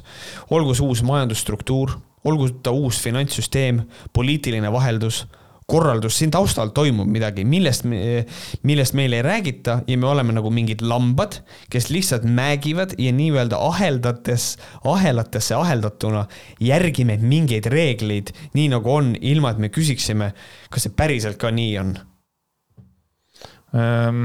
esimene mõte on see, et äh, noh, sina räägid mulle majandusstruktuurist, kui tahad, aga mis värk on selle lammaste kuidas lambad äkki said selleks metafooriks? teiseks asi on see, et äh, lambad on ahelatesse aheldatuna. Nad jälgivad ahelatesse aheldatuna. nii palju, kui mina näinud olen, lambad tegelikult ei ole ahelates ja, ja see on niimoodi, et millest ja me on... oleme nagu mingid lambad, kes lihtsalt määgivad millest sina praegu mägid siin nagu lammas, mis see lammas üldse süüdi on, lammas on väga, nad on, nad hoiavad kokku, lammas, lambad töötavad koos. jah, selles mõttes täiesti kindlasti lambad paneksid kõik maskid ette, kui üks lammas ütleks, et kuulge, paneme maskid ette, siis on turvalisem, kõik lambad paneksid maskid ette. ja, ja, ja nüüd on see koht, kus kohas Kris ütleb just ja maskikandjad ongi lambad ja panevad maskid ette, vaata. aga siin on tegelikult, noh vaata, siin taustal on see asi, miks lambad, lambad sellepärast, et inimene on aastasadu karjatanud lambaid, mis tähendab, et inimene tunneb, et lammas on temast allpool ja siis kõige parem viis, kuidas solvata, äh, ongi see, et sa teed seda läbi selle, et sa solvad läbi äh, inimesi läbi millegi, mis on inimestest nagu allpool, ehk seesamas. ta on, ta on enda arvates see on põhjus, see on põhjus, miks osad mehed ütlevad seda, et sa käitud nagu naine. mina mõtlen selle peale, et noh, ta nimetab ennast kirjanikuks. jah siis võiks olla vähemalt äh, nagu põnevalt üles ehitatud see mingisugune metafooride asi, vaid ta räägib sedasama juttu, ikka sama asi, et mõt-, oota oh,, ma loen veel ühe lauset ette. küsi endalt, alati tasub küsida, kes sellest hetkel võidab ja võitjaid on päris palju. mõtle selle peale mm -hmm. ja umbes selline asi, et tihti ta ütleb seda, et mõtle selle peale, mõtle oma peaga, mina suudan kastist välja mõelda ja kõik see asi, et türa mõtle midagi paremat välja, nagu leia mingi seas sõnu, kui sa teed vlog'e, tee mingi väike eeltöö, ma saan aru, et tal on jube põnev, et ta võtab selle telefoni kätte ja siis ta lihtsalt kõnnib seal oma fucking väätsal või kus, kus perses ta kõnnib, saad aru. ja, ja tõesti nagu sa ütlesid ka ühtegi edit'it ei tee midagi, ta lihtsalt räägib mingisugust soga, no natukene võiks see nagu make ida sense'i nagu, sest see on nagu täielik pask. Jah, ma olen nõus ja et see on siukene. tule jätke need lambad rahule putsi, lambad on väga armsad ja toredad loomad. lambad on väga toredad muidugi, et äh, ja, ja sellest majandusstruktuurist ja uuest finantssüsteemist, kas selle järgi on vajadus praegu või kuidagi on, on, on seda vaja? pluss kogu see kuradi teela sellega, et meil oleks palju lihtsam nagu see, et maskid on orjastamise esimene samm ja kõik on, see on, see on nii ajuvaba, selle jaoks, et inimesi orjastada, ei ole vaja kõigepealt hakata neile maski ette panema mm. -hmm. selle asemel kuuluta välja näiteks eh, kodanikupalk, kuulutad välja kodanikupalga, me hakkame kodanikupalka maksma ainult ühel tingimusel ja siis antakse tingimused, mis peavad vastama ja seal on siuksed küsitavad tingimused. sa pead töötama mingis teatud ajal pead olema töötanud ja siis me saame lükata inimesi selle peale, et nad peavad vastama meil mingisugustele standarditele. näiteks on see, et sul ei tohi, et me maksame kodaniku palka, kui sa oled rahumeelne kodanik. Kui sa ei ole postitanud Facebooki mingisugust riigivastast juttu, siis sa saad kodaniku palka. aga mis on orjastamine? see on nagu see vaata, et aga mis on vägivald, küsis Kelly Sildaru isa. aga nüüd küsin mina, aga mis on orjastamine? mis on orjastamine? ei, aga, ei, aga ma küsin praegu sinu käest, mis on orjastamine, seepärast et nii palju, kui mina aru olen saanud, siis ori ei saanud äh, ju mingit raha ega midagi, kuidas nagu seda kogu maailma ära orjastada.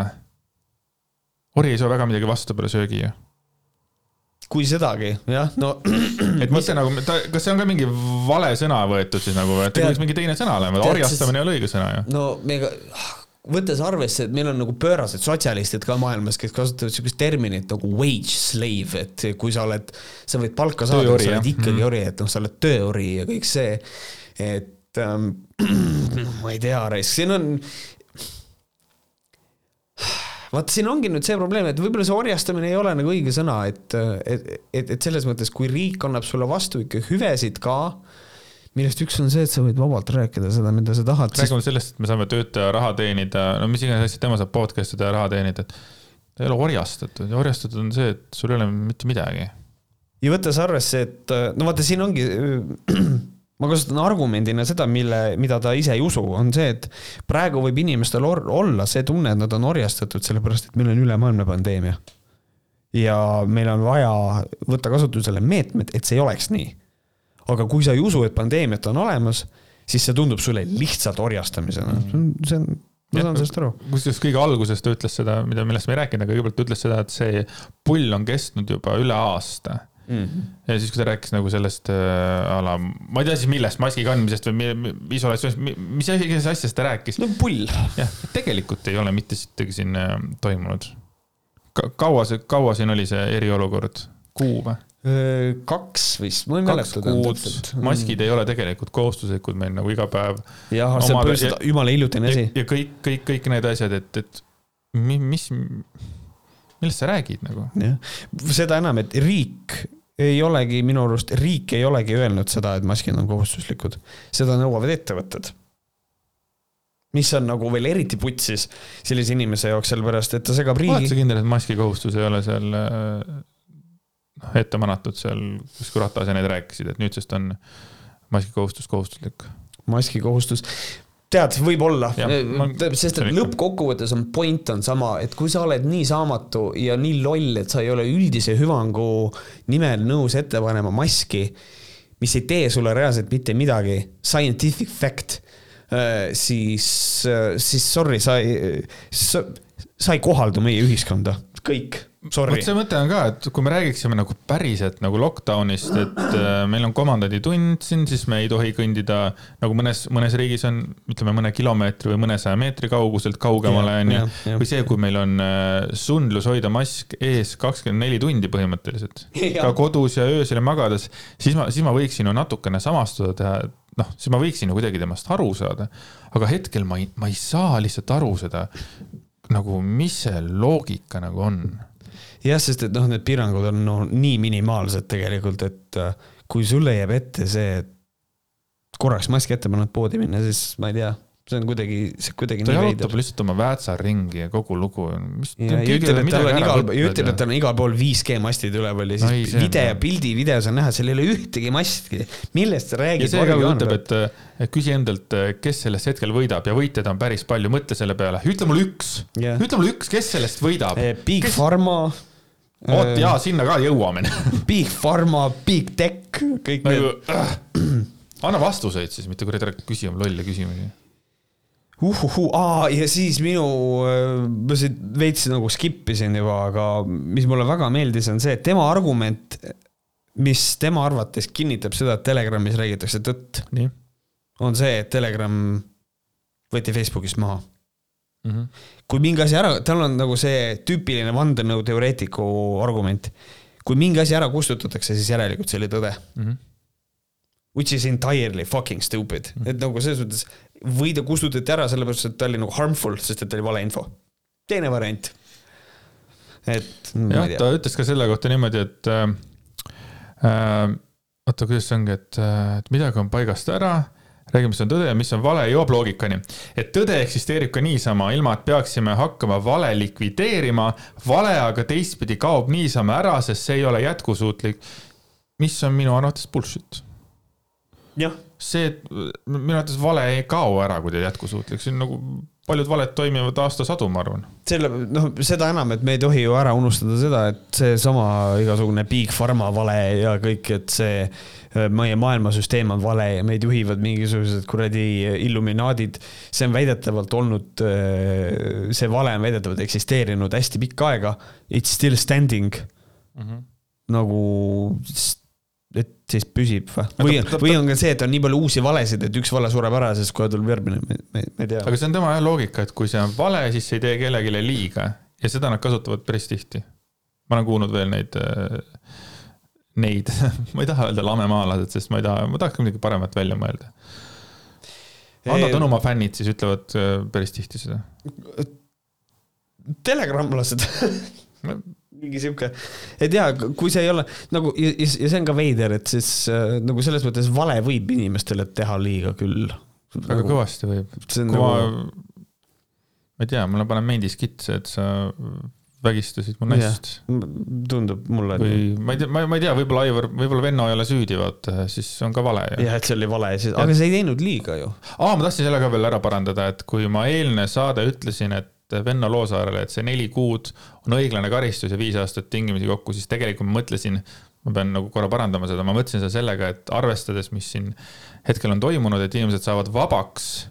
et minu jaoks on oluline see, et Venno Loosaar mõistetakse süüdi, et leitakse need tõendid, et ta selles mõttes, et ta on süüdi ja kui ta ka istub ainult neli kuud tegelikult vanglas ära, siis, siis tal on juba tegelikult see otsaette kirjutatud äh, pedofiil vangis istunud.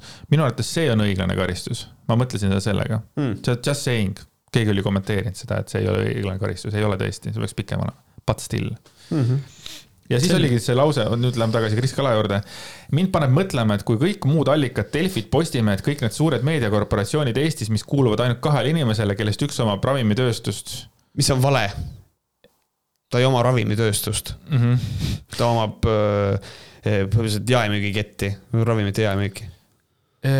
ja siis oli see, et äh, kõik muud allikad, Delfid, Postimehed, kõik need suured meediakorp-, mis see nagu Delfi kohta siis nagu selle kohta ütleb siis nüüd? miks on Telegrami vaja äh,, miks on vaja Telegrami kui valeinfo pasundajast pildist eemaldada, kui see oleks vale, siis see tuleks varem või hiljem ära, et Telegram valetab äh,. Aga ikkagi, miks sa seda Delfit nagu siia toppisid, kas ta pole ise Delfi ausad, ausad mehed on. Delfi, Delfi podcast. tal on mingisugune käpp sees, et temast on ka kirjutatud nagu nende podcast'i puhul ka nagu äh, artikleid, Delfi annab talle veits nagu leiba. ma nüüd ei tea muidugi, kas ta nagu sellest raha saab, aga noh, ta on nagu pildis tänu Delfile. ma, ma küll, ma arvan, et ta on häkk, ma arvan, et ta on täielik fucking häkk. Ta on lihtsalt, ta räägib seda juttu sellepärast, et see meeldib ta jälgijatele, aga siis tegelikult ta on nagu, tal ei ole mitte mingit probleemi selle vastu seal äh, ise Delfi äh, kuskil padjal istuda, tal ei ole sellega mitte mingit probleemi. ta no on häkk fucking, Delfi podcast. see on, see on, see on täielik dumbfucker, ta võib muidugi öelda, ma õõnestan süsteemi sees, seestpoolt, vaata. Mm. ma olen ma Delfis kasutan, ma kasutan ära seda nende platvormi enda jah, just, just, which is the dumb fuck argument mm. -hmm. selles mõttes.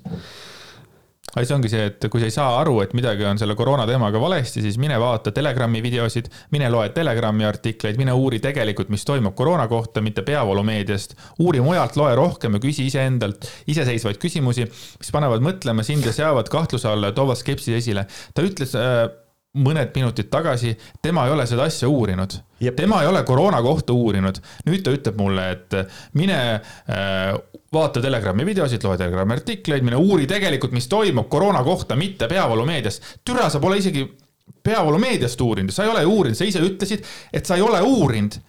sa jälle soovitad midagi, mida sa ise ei ole teinud ju. ja ta ütleb, et loe rohkem, aga mitte peavoolumeediat, ühesõnaga ta, ta nagu loe rohkem, samal ajal ta pisendab seda info välja. infoväli peab olema inimesel võimalikult suur.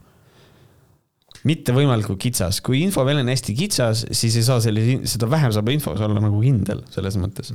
aga noh, see on nii, see on nii basic äh, nagu meediapädevus mida tänapäeval õpetatakse inimestele juba fucking koolides, aga kuna noh, we all know, ühesõnaga, et äh, ma mm,, ma praegu nõuan kivist, üritan kivist äh, kuradi vett välja pigistada. ja siis on see ka, et kas sina saad täna teha midagi, et sellele tähelepanu pöörata, et midagi on valesti, kas sul on mõjujõudu? jah, on küll, sinul, minul, Mariannil, kõigil, kellel on jälgijaid, on mõjujõudu ja meil kõigil on jälgijad. siis mulle meeldis see, et sa sellist riimi ütlesid, kõigil ei ole jälgijaid kõigil ei ole jälgijaid. kõigil ei ole. ja, ja noh, et äh, siis nagu usu, usu, usu iseendasse, kui sul on jälgijaid või? See on ja siis see minu isiklik lemmik, kus ta lõpuks ütles äh, välja, et ära allu reeglitele ja ta ütles, et ära allu politseile, ära allu riigile. ja ma tuletan teile meelde, et Eesti Vabariik on üles ehitatud Eesti Vabariigi põhiseaduse peale.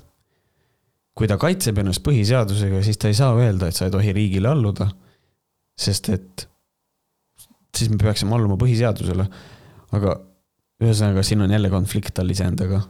ja sellepärast, et ta allus ju politseile, kui politsei ütles, palun minge ära. jah, true. ehk ühesõnaga, see on, see, kogu see Kris Kala video on, on tegelikult laias laastus, mina ütleks, et see on kurb.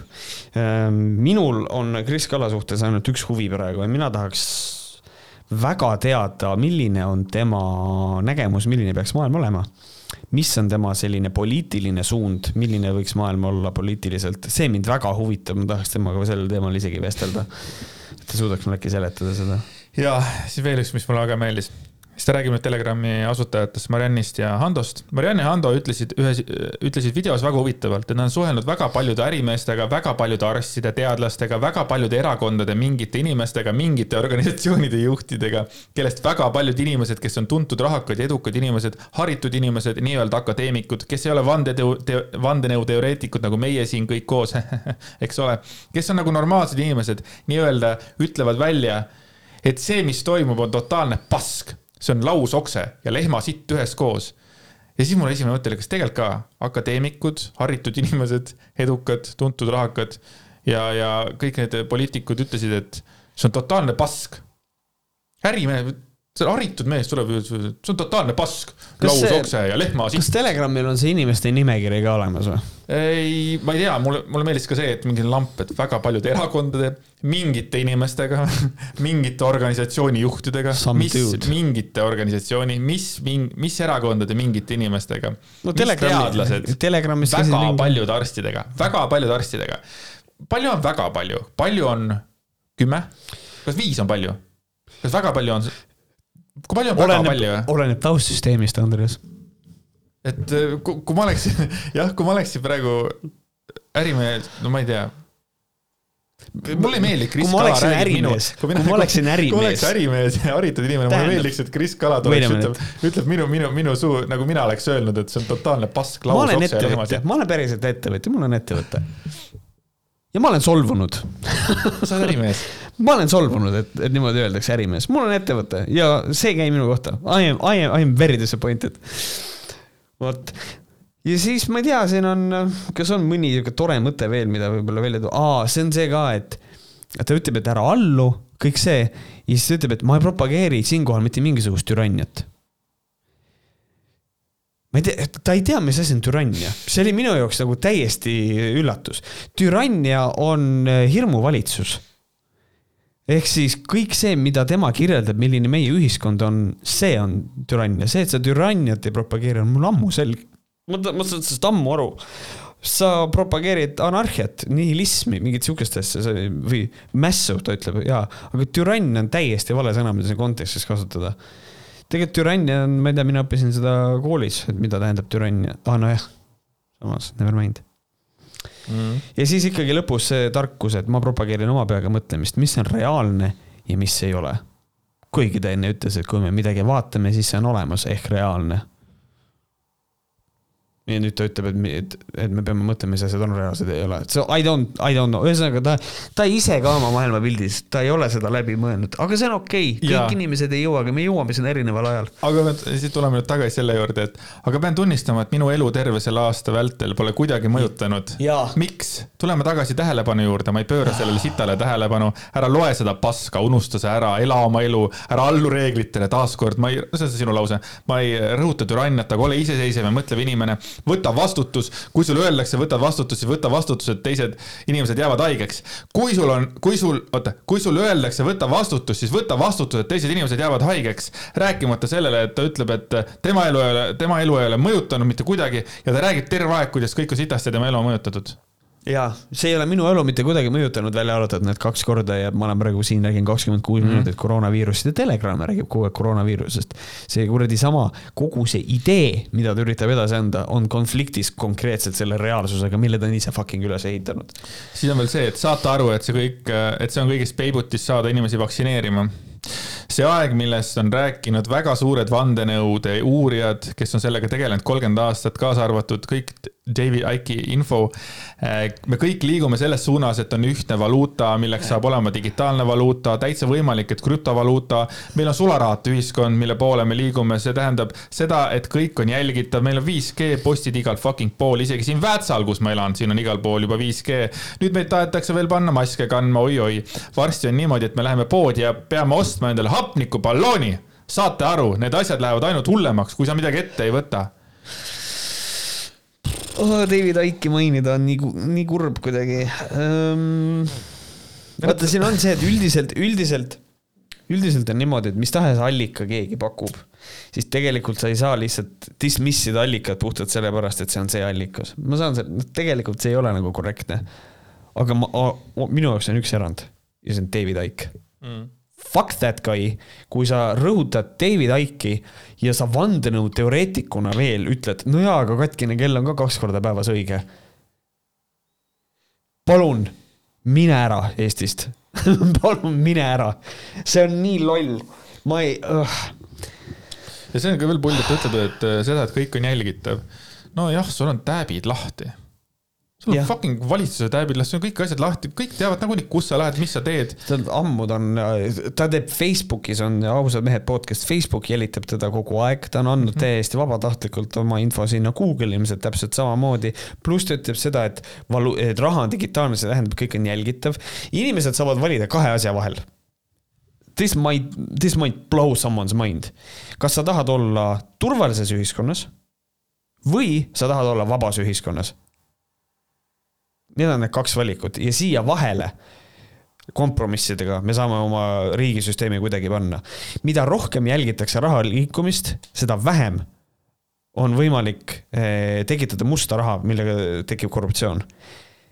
see on hea, kui raha jälgitakse. rahapesu on tänapäeval võimalik, but you have to be a fucking really smart person to do mm. that kui meil oleks hästi palju sularaha ja raha mitte keegi ei jälgiks, meil oleks korruptsiooni palju-palju rohkem kas ma pean kaugemale vaatama, kui mingisuguseid, vaatame Boliivia suunas või sinna kuradi äh, Ladina-Ameerikasse, kus kohas on äh, korruptsioon, on massiline probleem, kus politseinikud äh, saavad nii vähe palka, et nende peamine sissetulek võib politseil olla see, et narkokartellid maksavad neile lihtsalt seda raha, et nad ei läheks kohale, kui on väljakutse.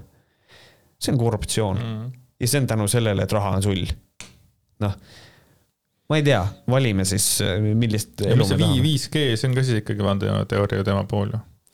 mis on mul, naljakas. mul on jumala pohhusest 5G-s selles mõttes. mis on, mis on naljakas jah, sellepärast et puudub igasugune alus. Äh, aga, aga no. see, mulle meeldib lihtsalt see järjekord ka, et me liigume sinna mingisuguse digiraha poole, kõik meid jälgitakse, meil on 5G ja siis on see lause, nüüd meid tahetakse veel maske kanna panna nagu kõigi selle, kõigi teiste asjade suhtes, mis siin nagu on, on ju, mis võiks olla isegi nagu mingi nurga alt loogilised, kui sa ei taha, et sind nagu jälgitakse, vaata, et hea küll, noh, noh, mul ei ole sotsiaalkontosid, ma võtan kõike sullis vastu, noh, okei okay aga nüüd meil pannakse veel maske ka ostma, kuidas see siia üldse mahub? ja mitte oskavad maske kandma. ja nagu see maski kandmine on nüüd nagu see, et see on nüüd orjastamine. see on, see on see, see trigerdamine. nagu. Out of all things täiesti perses. mitte see, et Google jälgib iga mu sammu mm, -hmm. mitte see, et minu rahavoogu järgitakse, see, et ma pean maski ette panema, kui ma tahan osta Cheetos'eid ühe paki. see on ikka täiesti haige mm. -hmm. ja siis on muidugi see lause ka, et maailma peegel, kui sul on hirm, siis maailm näitab sulle hirmu. kui sinus puudub hirmutunne, siis maailm näitab sulle vastu rõõmu, armastust ja hellust. see on väga esoteeriline lause. Kui inimesel puudub hirmutunne totaalselt, siis tegu on tegelikult psüühilise häirega. hirmutunne on evolutsiooniliselt inimesele väga vajalik. et noh, selles mõttes ja kui sul on hirm ja nagu selles mõttes, kui sa nagu kui, kui sinust puudub hirmutunne, aga Krisis endas on ju hirmutunne, ta ju kardab seda maski asja, seda 5G asja. ta kardab maski, ta kardab mingit väikest mingit maski, vaata. jah, et nagu selles mõttes ta ei, noh jällegi see on nagu päris hea point, ta ise hirmsasti kardab ta kõike. ei, ta on ju nagu he's fucking terrified, et maailm üritatakse, ta kardab seda, et kari lambaid on igal pool ja siis tema peab ka oma vabadusest lahti laskma selle pärast mm. -hmm. tal on konkreetne hirm. Holy shit. aga see ongi noh, aga teeme näo, et tal praegu puudub siis hirmutunne, onju. kas maailm näitab talle praegu vastu rõõmu, armastust ja hellust? ma ei, ma ei ole kindel, peale seda videot. jah, ma näen, et seal on kommentaare, kus on nagu armastust ja hellust. aga maailm ei näita talle praegu ja nüüd me jõuame kohe järgmise punktini, et äh, meile tuli kiri äh,. ütleme nii, et me, ma ei vaata, me ei vaata iga päev, millega see mees tegeleb, lihtsalt mm -hmm. äh, nii, aga nüüd tuli meile kiri hei Võhkarid, olen teie suur fänn, iga osa on algusest lõpuni kuulatud, palun jätkake samas vaimus, aitäh. Avastasin hiljuti webinari sarja nimega Rahast lage, Mindseti muutes rikkaks. regasin ära, sest rääkima pidid tulema Kristi Saare, Jake Ferrara, Marko Olo ja Jaak Roosaare. ehk siis Kristi Saare, Jake Farra, Marko Olo ja Jaak Ro-, ja Jaak Roosaare. oota, kas sa ütlesid Jake Farra või sa ütlesid Jake Farra? ta on Jake Farra. aga sa oleks pidanud siis Jake ütlema, sest mina ütlesin Jake Farra juba. hiljem aga avastasin, et seda programmi veab eest Chris Kala. Olin šokeeritud, et sellised inimesed temaga kaasa lähevad ja mõnda aega hiljem tuli selline uudis. kõik jep. loksus kohe paika tagasi Thank God, ühesõnaga, Ingrid. see on asi, see on hästi huvitav. see on, see on asi, mida ma kirjutan dokumenti ka, nüüd on paras aeg seda rääkida. kui ma vaatasin Kris Kala videot, siis ma nägin ka seda webinari reklaami ja ma nägin seal eh, sihukest nime nagu Jake Farra. Jake Farraga ma olen isiklikult kokku puutunud, ta on fotograaf mm. -hmm. Su suurepärane fotograaf. ja mul oli tunne, et kurat, et nagu miks sa seod ennast sellise üritusega, kui selle eestvedaja on Kris Kala, et noh, see on veits nagu, no mul lihtsalt tekib teatud küsimus, et kas sa siis nagu pooldad või kas sa jälgid, mul tekkis nagu see probleem. ja siis tuli postitus, ausad mehed podcast'i lehel ka ilusasti. järgmine, väikesed muudatused webinari sarjas. Nota bene, oluline teave, mis puudutab webinari sarja Rahast lage, Mindseti muutes rikkaks. Kristi Saare, Jack Farra, Marko Olo ja Jaak Roosaare on saatnud mulle ühise kirja ning otsustanud koos loobuda webinaril osalemisest. see oli küll privaatne kiri minule, aga ma jagan seda otsust ka oma jälgijaskonnaga, sest webinari registreerujad võiksid ikkagi läbipaistvust saada. Oh how fucking convenient. Loobumise põhjus igal asjal on omad tagajärjed ja seda mitte üldse halvas valguses. Neile ei sobinud minu avalikud arvamuse avaldamised Covid-19 ja maski mittekandmise teemadel, sest nad äh, kõik on otsustanud mitte sekkuda süvapoliitilistesse ega ka teistesse teemapüstitustesse, mis ei ole nende põhisuunaks. austan nende valikut ja otsust. küll aga tekib küsimus et kui ma oleksin oma postituse sisus propageerinud maski kandmist, vaktsineerimist ja nii edasi, kas oleks tulnud samasugune otsus? seda ei tea ega peagi teada saama, aga need on olulised mõtlemiskohad. mida ma tahan selle kogemusega öelda, on see, et enda eest seismise ja enda arvamusele kindlaks jäämise juures tuleb avastada ka potentsiaalsete tagajärgedega. Oh my god, see on nii intelligentne lause tasuks tegelikult. see on vastutuse võtmise koht ja mina võtan siinkohal selle vastutuse, et minu tegemiste pärast jääb päris suurel hulgal inimestel nägemata ja kuulamata vägev tunni ja pooleteisene vestlus raha, investeerimise ja mõtteviisi teemadel. kas ma peaksin nüüd kõigi ees vabandama? ei. sest ma olen mina ja ma teen seda, mida mina õigeks pean. kui sulle ei meeldi minu bränd, siis sulle on võimalik alati eemale hoida, nii nagu otsustasid nemad. huvitundjatega kohtume praegu veel kõikide eelduste kohaselt aprillis, aga nagu ka tänane maailm on ka kõik muu meie ümber pidevas meeletus muutumises, seega mitte miski pole garanteeritud. ilusat nädalavahetust, Chris miks ma selle kõik ette lugesin, on hästi oluline, sellepärast et siin on teemapüstitused ja lauseehitused on väga olulised. toon näite. Neile ei sobinud minu avalikud arvamuse avaldamised. siin koha peal apelleerib Kris Kala julmalt sellele, et see oli kõigest tema arvamuse avaldamine and that's it. ta ei arvesta meelega ilmselt ei arvesta seda, et tal on jälgijaskond, kes kuulab teda. kui tal on see jälgijaskond, et kui Kris Kala ütleb, et tema ei kanna maski, siis on inimesed, kes sellele reageerivad, mõtlevad, kurat, ma ka ei kanna raisk.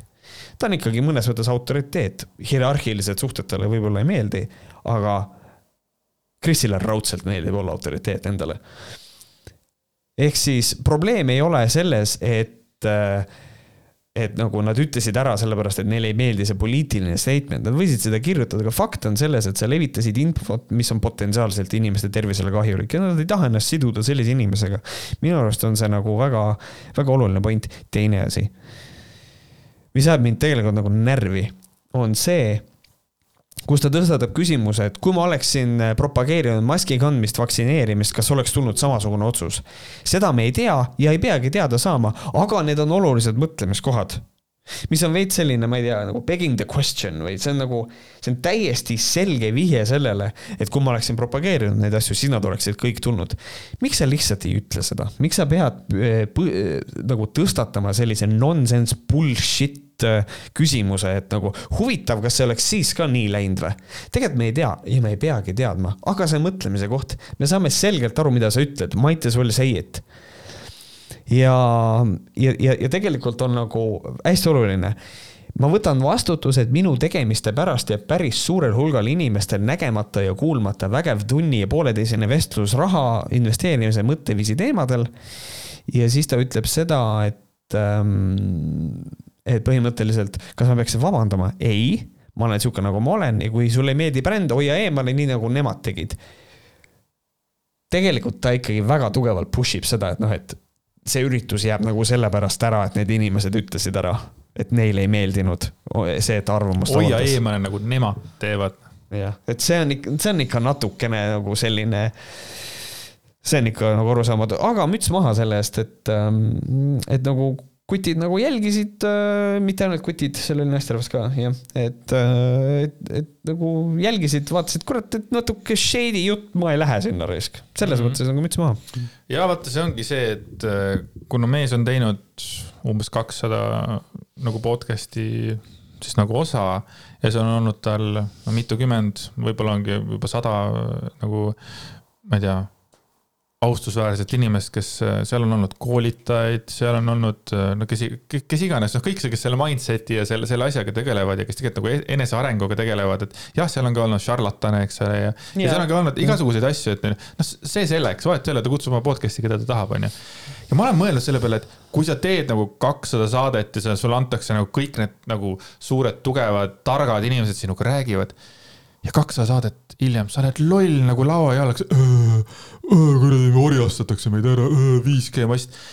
kõik jooksis maha, kõik, saad aru, kõik, tal on, ta on veel teinud, ma saan aru, neid igasuguseid, mitte loenguid, vaid on ka mingid kokkusaamised rahvastega, mis iganes, mingid jutuajamised, whatever the fuck on ju, hmm. webinarid ja asjad. aga ta jookseb, kõik jookseb mööda talt, kõik.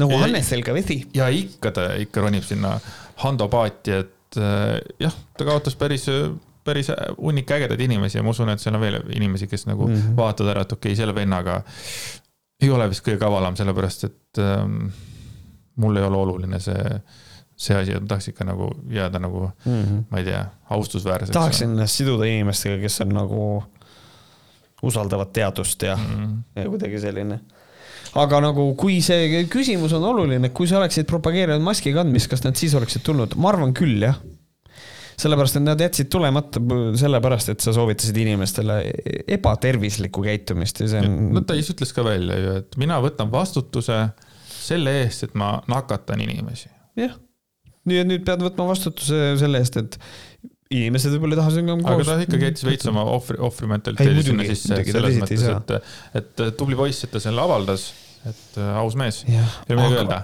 ja siis. ja siis. siis tuli äh, meie sõbranna Merilin Taimre, kes äh, tegi mitmed story'd ja rääkis väga südamlikult, et äh, mul jääb mulje, et see on juba next level diskrimineerimine, sest seminar ei ole kuidagi selle kõigega seotud. seminar ei ole seotud sellega, mis usku sa oled, kas sa lased ennast vaktsineerida või mitte, kas sa kannad enda näo ees midagi või mitte. see jätab mulje, justkui needsamad inimesed ei teeks sinuga koostööd, kui sa oled tumedanahaline, kui sa oled homoseksuaal või bi, kui sa oled usklik et see on lihtsalt uskumatu, kuidas inimesed loovad konflikti ja ma ei kujutaks ette, et ma ütleks kellelegi koostöös ära lihtsalt sellepärast, et ta on teistest rahvusest, teisest nahavärvist, teisest usust, kas ta on ennast vaktsineerinud või mitte ja ma nagu ei kujutaks seda ette. ühesõnaga Meri, Merilin Taimre ehk Paljas porgand ütles seda, et Kris Kalaga mitte seminaril koos esinemine on samasugune diskrimineerimine nagu see, kui sa ei ole nõus minema või koos töötama kellegagi, sest et, sest et on tumedanahaline homoseksuaal või bi. ma ei ole mitte kunagi enne avalikus ruumis sellist asja öelnud. ja nüüd ma ütlen seda esimest korda. et sellist asja öelda, siis sa pead olema täiesti lootusetult valge inimene. sa pead olema fucking neoonvalge, et teha sellist võrdlust sa pead olema nii valge ja nii, ja ma vihkan seda sõna, nii priviligeeritud staatuses inimene raisk, et sa saad sellise võrdluse teha. Holy shit, I m gonna kill myself on stream. see on lihtsalt nagu, kuidas on võimalik võrrelda neid kahte olukorda? kuidas on võimalik, et sa võrdled seda, et inimesed ei taha teha koostööd kellegagi, kes kutsub inimesi üles mitte alluma Eesti riigikorrale, mitte alluma Eesti Vabariigi politseile ja soovitab inimestel käituda ebatervislikult versus inimestega, keda on koheldud läbi ajaloo nagu loomi, arvatud, et nad on vähem inimesed kui valged inimesed, kellel on süstemaatiliselt on diskrimineeritud. How can you make that comparison? How? kui loll peab olema inimene? Ja tead, ja siin tegelikult ma mõtlen, ma ei, ma ei julgenud seda öelda, ma mõtlesin, ma ei ütle, ma ütlen ära, pohhui.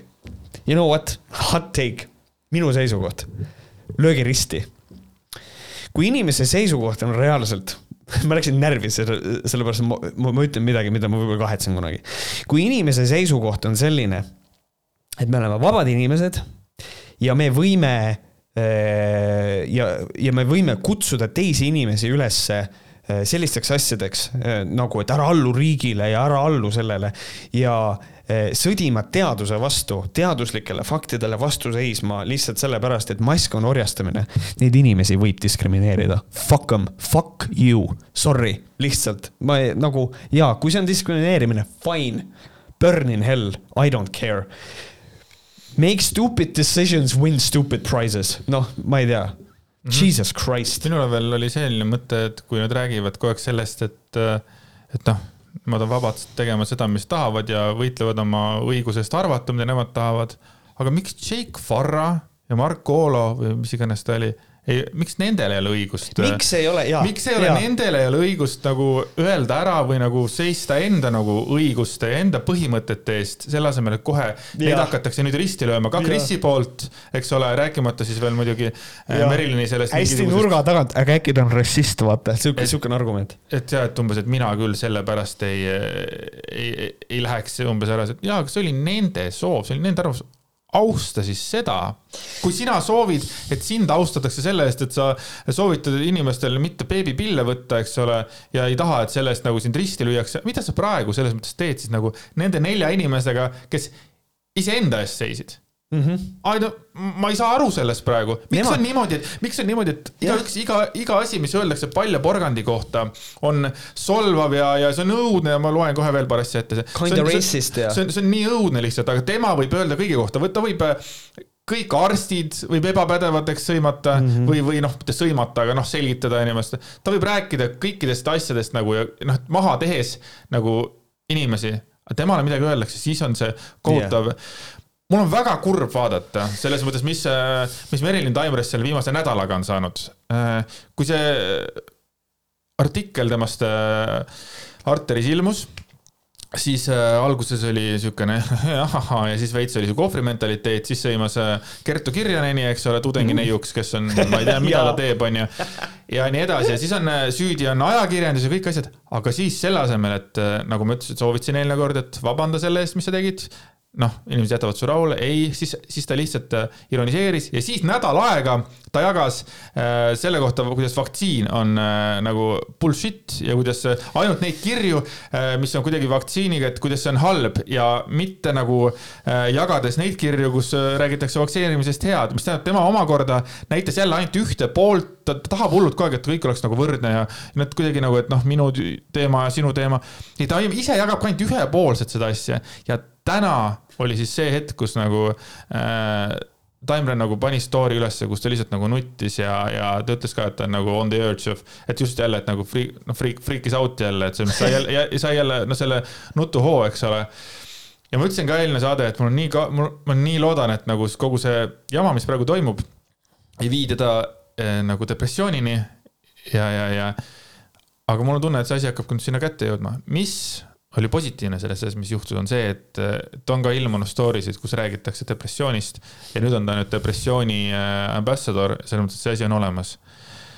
et selles suhtes mul on hea meel, et ta on muutnud oma meelt, mul on lihtsalt kahju, et ta nagu ei suuda ikkagi öelda seda, et ta üks hetk arvas, et depressiooni ei ole olemas, nüüd ta teab, et ta eksis ja nüüd ta tahab aidata kõiki inimesi, kellel on vaimse tervisega näiteks probleeme või midagi taolist. liigu siis nagu siis sinna suunda, ei, ikka võitleme vaktsineerimise vastu, ikka Kertu Kirjanen on tudengina ju, kes ei oska kirjutada. jah, no vähemalt Kertu Kirjanen, neil on mingi haridus ei, aga minu, aga minul on kahju tegelikult näha, et inimest, kes tegelikult, ta on saanud nagu nagu, nagu vatitäie pasaga, onju, aga ta ikka kujutab ette, et meedia ja, ja., ja kõik need ülejäänud inimesed teevad talle lihtsalt liiga, kuna lihtsalt kuidas miskil nende ah,, mis siin nende inimeste peas toimub, kohe ma sulle ütlen ka selle. ma olen hämmingus, et avaliku elu tegelased astuvad sotsiaalmeedias üles ja näitavad välja viha teiste inimeste suhtes nende uskumuste ja valikute tõttu oma tervise üle, kutsudes teisi avalikult pooletoobisteks idiootideks. see ütleb mulle see ütleb ikka kõige rohkem ütleja kohta, milline hirm ja võimetus aktsepteerida teisi peab olema sellise inimese südamesse ja pähe olema seatud, mis muudab,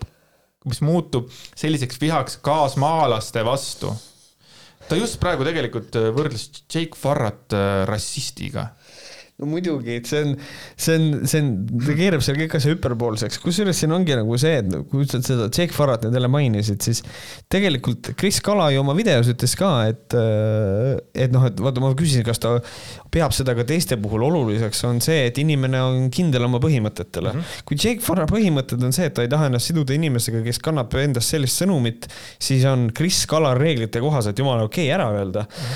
-hmm. seda enam, ma juba tahan endale vastu vaielda, see, mis ma ütlesin, et selliseid inimesi võibki diskrimineerida, seda ei saa nimetada diskrimineerimiseks, vaid see on avalik kriitika lihtsalt nagu sinu käitumisele.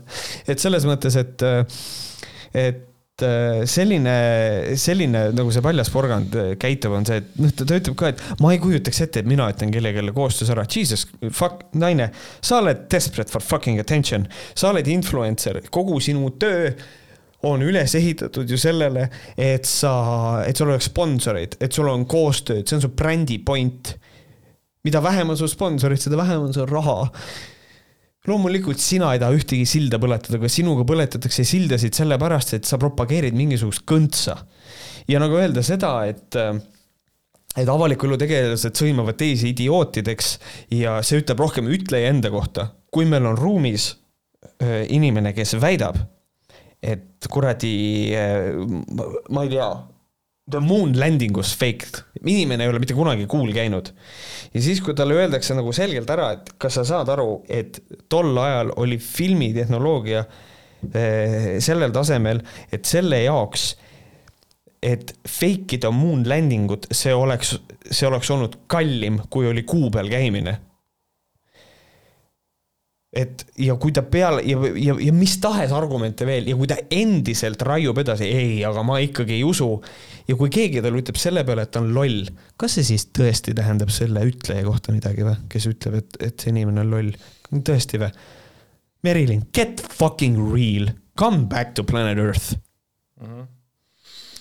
ja siin oli veel, mis oli veel see, et äh, kuna talle öeldi ka, et noh, see ei ole okei okay, mm -hmm. võrrelda rassismiga, vaata mm -hmm. seda seda, kui inimesed ära ütlesid. okei okay,, seda ma ei tea, surprise me. siis ta äh, kirjutas üles kõigepealt lihtsalt, et kui üheksakümmend protsenti mõistavad, et tegu on diskrimineerimisega, siis on siis on ikkagi neid eestlasi, kes seda diskrimineerimiseks ei pea. kuigi Sotsiaalministeeriumi kohaselt on veendumuste tõttu inimese halvem kohtlemine otsene diskrimineerimine. kõik, kelle jaoks on diskrimineerimine okei okay,, on ka ise diskrimineerijad, aga oota korra, ma ei ole veel lõpetanud. siis oli seal üks inimene kirjutas, et, äh, et arvate tõesti, et need adekvaatsed ja arukad võrdlused haritud inimeste poolt võrrelda seda olukorda rassismi, seksismi homofoobiaga, küsimärk, siis ta on vastanud. just nii Eesti Vabariigi valitsuse kohaselt diskrimineerimine on otsene, kui otsene, kui ühte isikut koheldakse teatud tunnuse, näiteks rahvuse, rassi, nahavärvus, usutunnistuse või veendumuse, vanuse, puude või seksuaalse sättumise alusel halvemini kui teist isikut samalaadses olukorras. veendumus on seal kenasti välja toodud äh, mulle meeldib, ma mõtlesin see, et kust see statistika tuli Palju Porgandi poolt, et kui üheksakümmend protsenti mõistavad, kas nagu üheksakümmend protsenti tema jälgijatest mõistavad, et tegu on diskrimineerimisega või? kus, kus sa tead seda? ta imes selle kuskilt välja. kus, kus selline mingi, info nagu see on mingi fake stat, mis on lihtsalt, ta, ta ei, ta ei, ta ei tahtnud öelda, et enamus ja siis ütles üheksakümmend protsenti, nagu tõsiasi on nagu selles, et, et äh, see on diskrimineerimine, kui sa esitad vale fakti ja ma ütlen, et see, et, et, et see ei ole õige ja kui sa seda asja edasi push'id, siis sa oled loll, sellepärast et sa, sa eirad reaalseid fakte. kui see on diskrimineerimine, siis äh, absoluutselt kõik äh, teadustööd, kõik teadlased tuleks kinni panna nagu sellepärast nad on kõik diskrimineerimises süüdi. teadus äh, töötabki niimoodi, et seal on, see on, see peer review on nii räme, kritiseeritakse üksteist kogu aeg nagu see inimene ei tea, mis asi on diskrimineerimine ma ei, ma jälle, see on jälle asi, mida ma reeglina ei ütle, aga sa pead olema nii fucking privileged, et sa ei tea, mis asi on diskrimineerimine. aga mulle tegi nalja see, et jälle, et kui midagi on, siis võetakse jälle see vabariigi seadus kuskilt välja. nagu kes see kurat kuskil ütles, et, et, et kui sa nagu hakkad kohe nagu seda vabariigi seadust äh, kellelegi ette lugema, siis põhimõtteliselt sa oledki juba idioot ja see tuleks maha lasta okei okay,, võib-olla mitte nii karm. ei no ja, ja ma ei mõtlegi seda, see oli kuidagi hoopis aga... teistmoodi, aga point oli nagu selles, et nagu need, kes hakkavad sellega vehkima, ma olen ka näinud, et need on idioodid. mida sa vehid sellega? jah, eriti kui sa ei saa sellest nagu aru, et nagu kogu see üks asi veel, mis ma tegin screenshot'i oli sellest, kui see Genka postitus oli, vaata, kui Genka yeah. kirjutas ilusasti, et kandke yeah. maski, minu rahakott kannatab, pakk, pakk, pakk, pakk, nii, normaalne yeah. vastus oli yeah.. nii, aga siis sinna alla oli kirjutanud Kris Kala kommentaari. arvasin, et sa oled teadlik inimene jah, ega see vaktsiin ja maski kandmine viiruse eemaldada aitabki. täpselt nii. asi on isiklik, minu valikuvabadust piiratakse ja vägistatakse ja sina seisad selle ees oma kaaskondlastega. kummal on õigus? küsimärk, mõlemal, härra Kõrvits äh,. Kris Kala tunneb, et asi on isiklik tema vab valikuvabadust piiratakse ja vägistatakse ja sina seisad seal ees oma kaaskondlastega. sa lihtsalt pane mingi ilus mask tee oma podcast'i nimega, logoga mask, kanna seda uhkusega. Jah, see on reklaam. mis, mis, mis, mis juhtub, kas see on vägistamine, sa, sa lähed kogu, kogu mingisuguse poole, ma ei tea, no ütleme, see on polariseeritud, sa oled mingi poole eestlase, poolte eestlastega lähed põhimõtteliselt sellepärast siis tülli, et sa pead panema selle, et sul on vaja panna, sorry, mitte pead, sa ei pea midagi tegema. et sul on vaja panna see mask kuueks minutiks ette, et poes oma tütrele hupapupat osta ehm,. I give up. ei, tegelikult, tegelikult Kris ei saa aru, et tal on tegelikult valik, tal on väga hea valik, ta saab valida, kas ta käib poes või ta ei käi jah, ta, siis nüüd ta kasutab seda internetti seda ja siis nüüd kõik teavad, kus ta on ja siis ta kasutab neid privileege, privileege. ma ei tea, selles mõttes ähm, soovin äh, omalt poolt Kris Kalale jõudu ähm,. Äh, loodan, et äh, ma ei tea, loodan, et keegi teine kasvatab su lapse ülesse ja. aga sa ütlesid oma striimil, ma korra veits tulen su striimi juurde tagasi, sa ütlesid striimil, et, et äh, hirm ei tee haigeks, onju mm.. oli midagi sinnakanti? Äh, ei ähm,, ma tean seda, et, et loomulikult, kui inimene on totaalselt terrified ja kardab, et see mõjutab tema immuunsüsteemi. ma, ma isegi ei mõtle immuunsus, immuunsust ma isegi ei mõelnud immuunsussüsteemi peale, vaid mina olen ka tegelikult arvanud seda, et hirm teeb haigeks ja ma ei mõtle isegi nagu, nagu füüsiliselt haigeks, vaid nagu pigem nagu vaimselt haigeks mm.. kui sa midagi väga kardad ja hakkad ikka täiesti nagu seda noh, ma ei tea, ignoreerima ja ja ma ei tea, seda nagu kartma, siis see teeb sind haigeks. jah, ja hüpohondria on olemas. jah, et ma, ma nagu mõtlesin, alustasin sellega, mõtlesin, et äkki saan sinuga veits äh, nagu vaielda, aga tundub, et sa, ma sain ise sinust valesti aru, nii et piu-piu-piu, piu-piu. Lähme edasi, shots fired, sina võitsid. Shots fired, jah. aga aitäh äh, Krisile, aitäh Merilinile, et meie kaks saadet äh, selles mõttes. kuna poliitika on nii igav, siis me võtsime järgmised ette. et, et, et, et, et te nagu olete need, kes te olete, ma loodan, et ei muu- muutu mitte kuna, kunagi. Ole hea, tšeki korra üles, palju on äh, Porgandil nüüd jälgijaid langenud? ma võtsin selle enne ette, Porgandil on viimase kolmekümne päevaga läinud äh, follower maha nelisada kuuskümmend seitse. okei, siiski vähe jah. see on vähe, kuigi protsentuaalselt on see miinus kolmsada kolmteist protsenti. Et nagu selle aja jooksul, kui ta ei, Mhm. jah. viimase kolmekümne päeva jooksul, et tema growth on ikkagi äh, väiksem.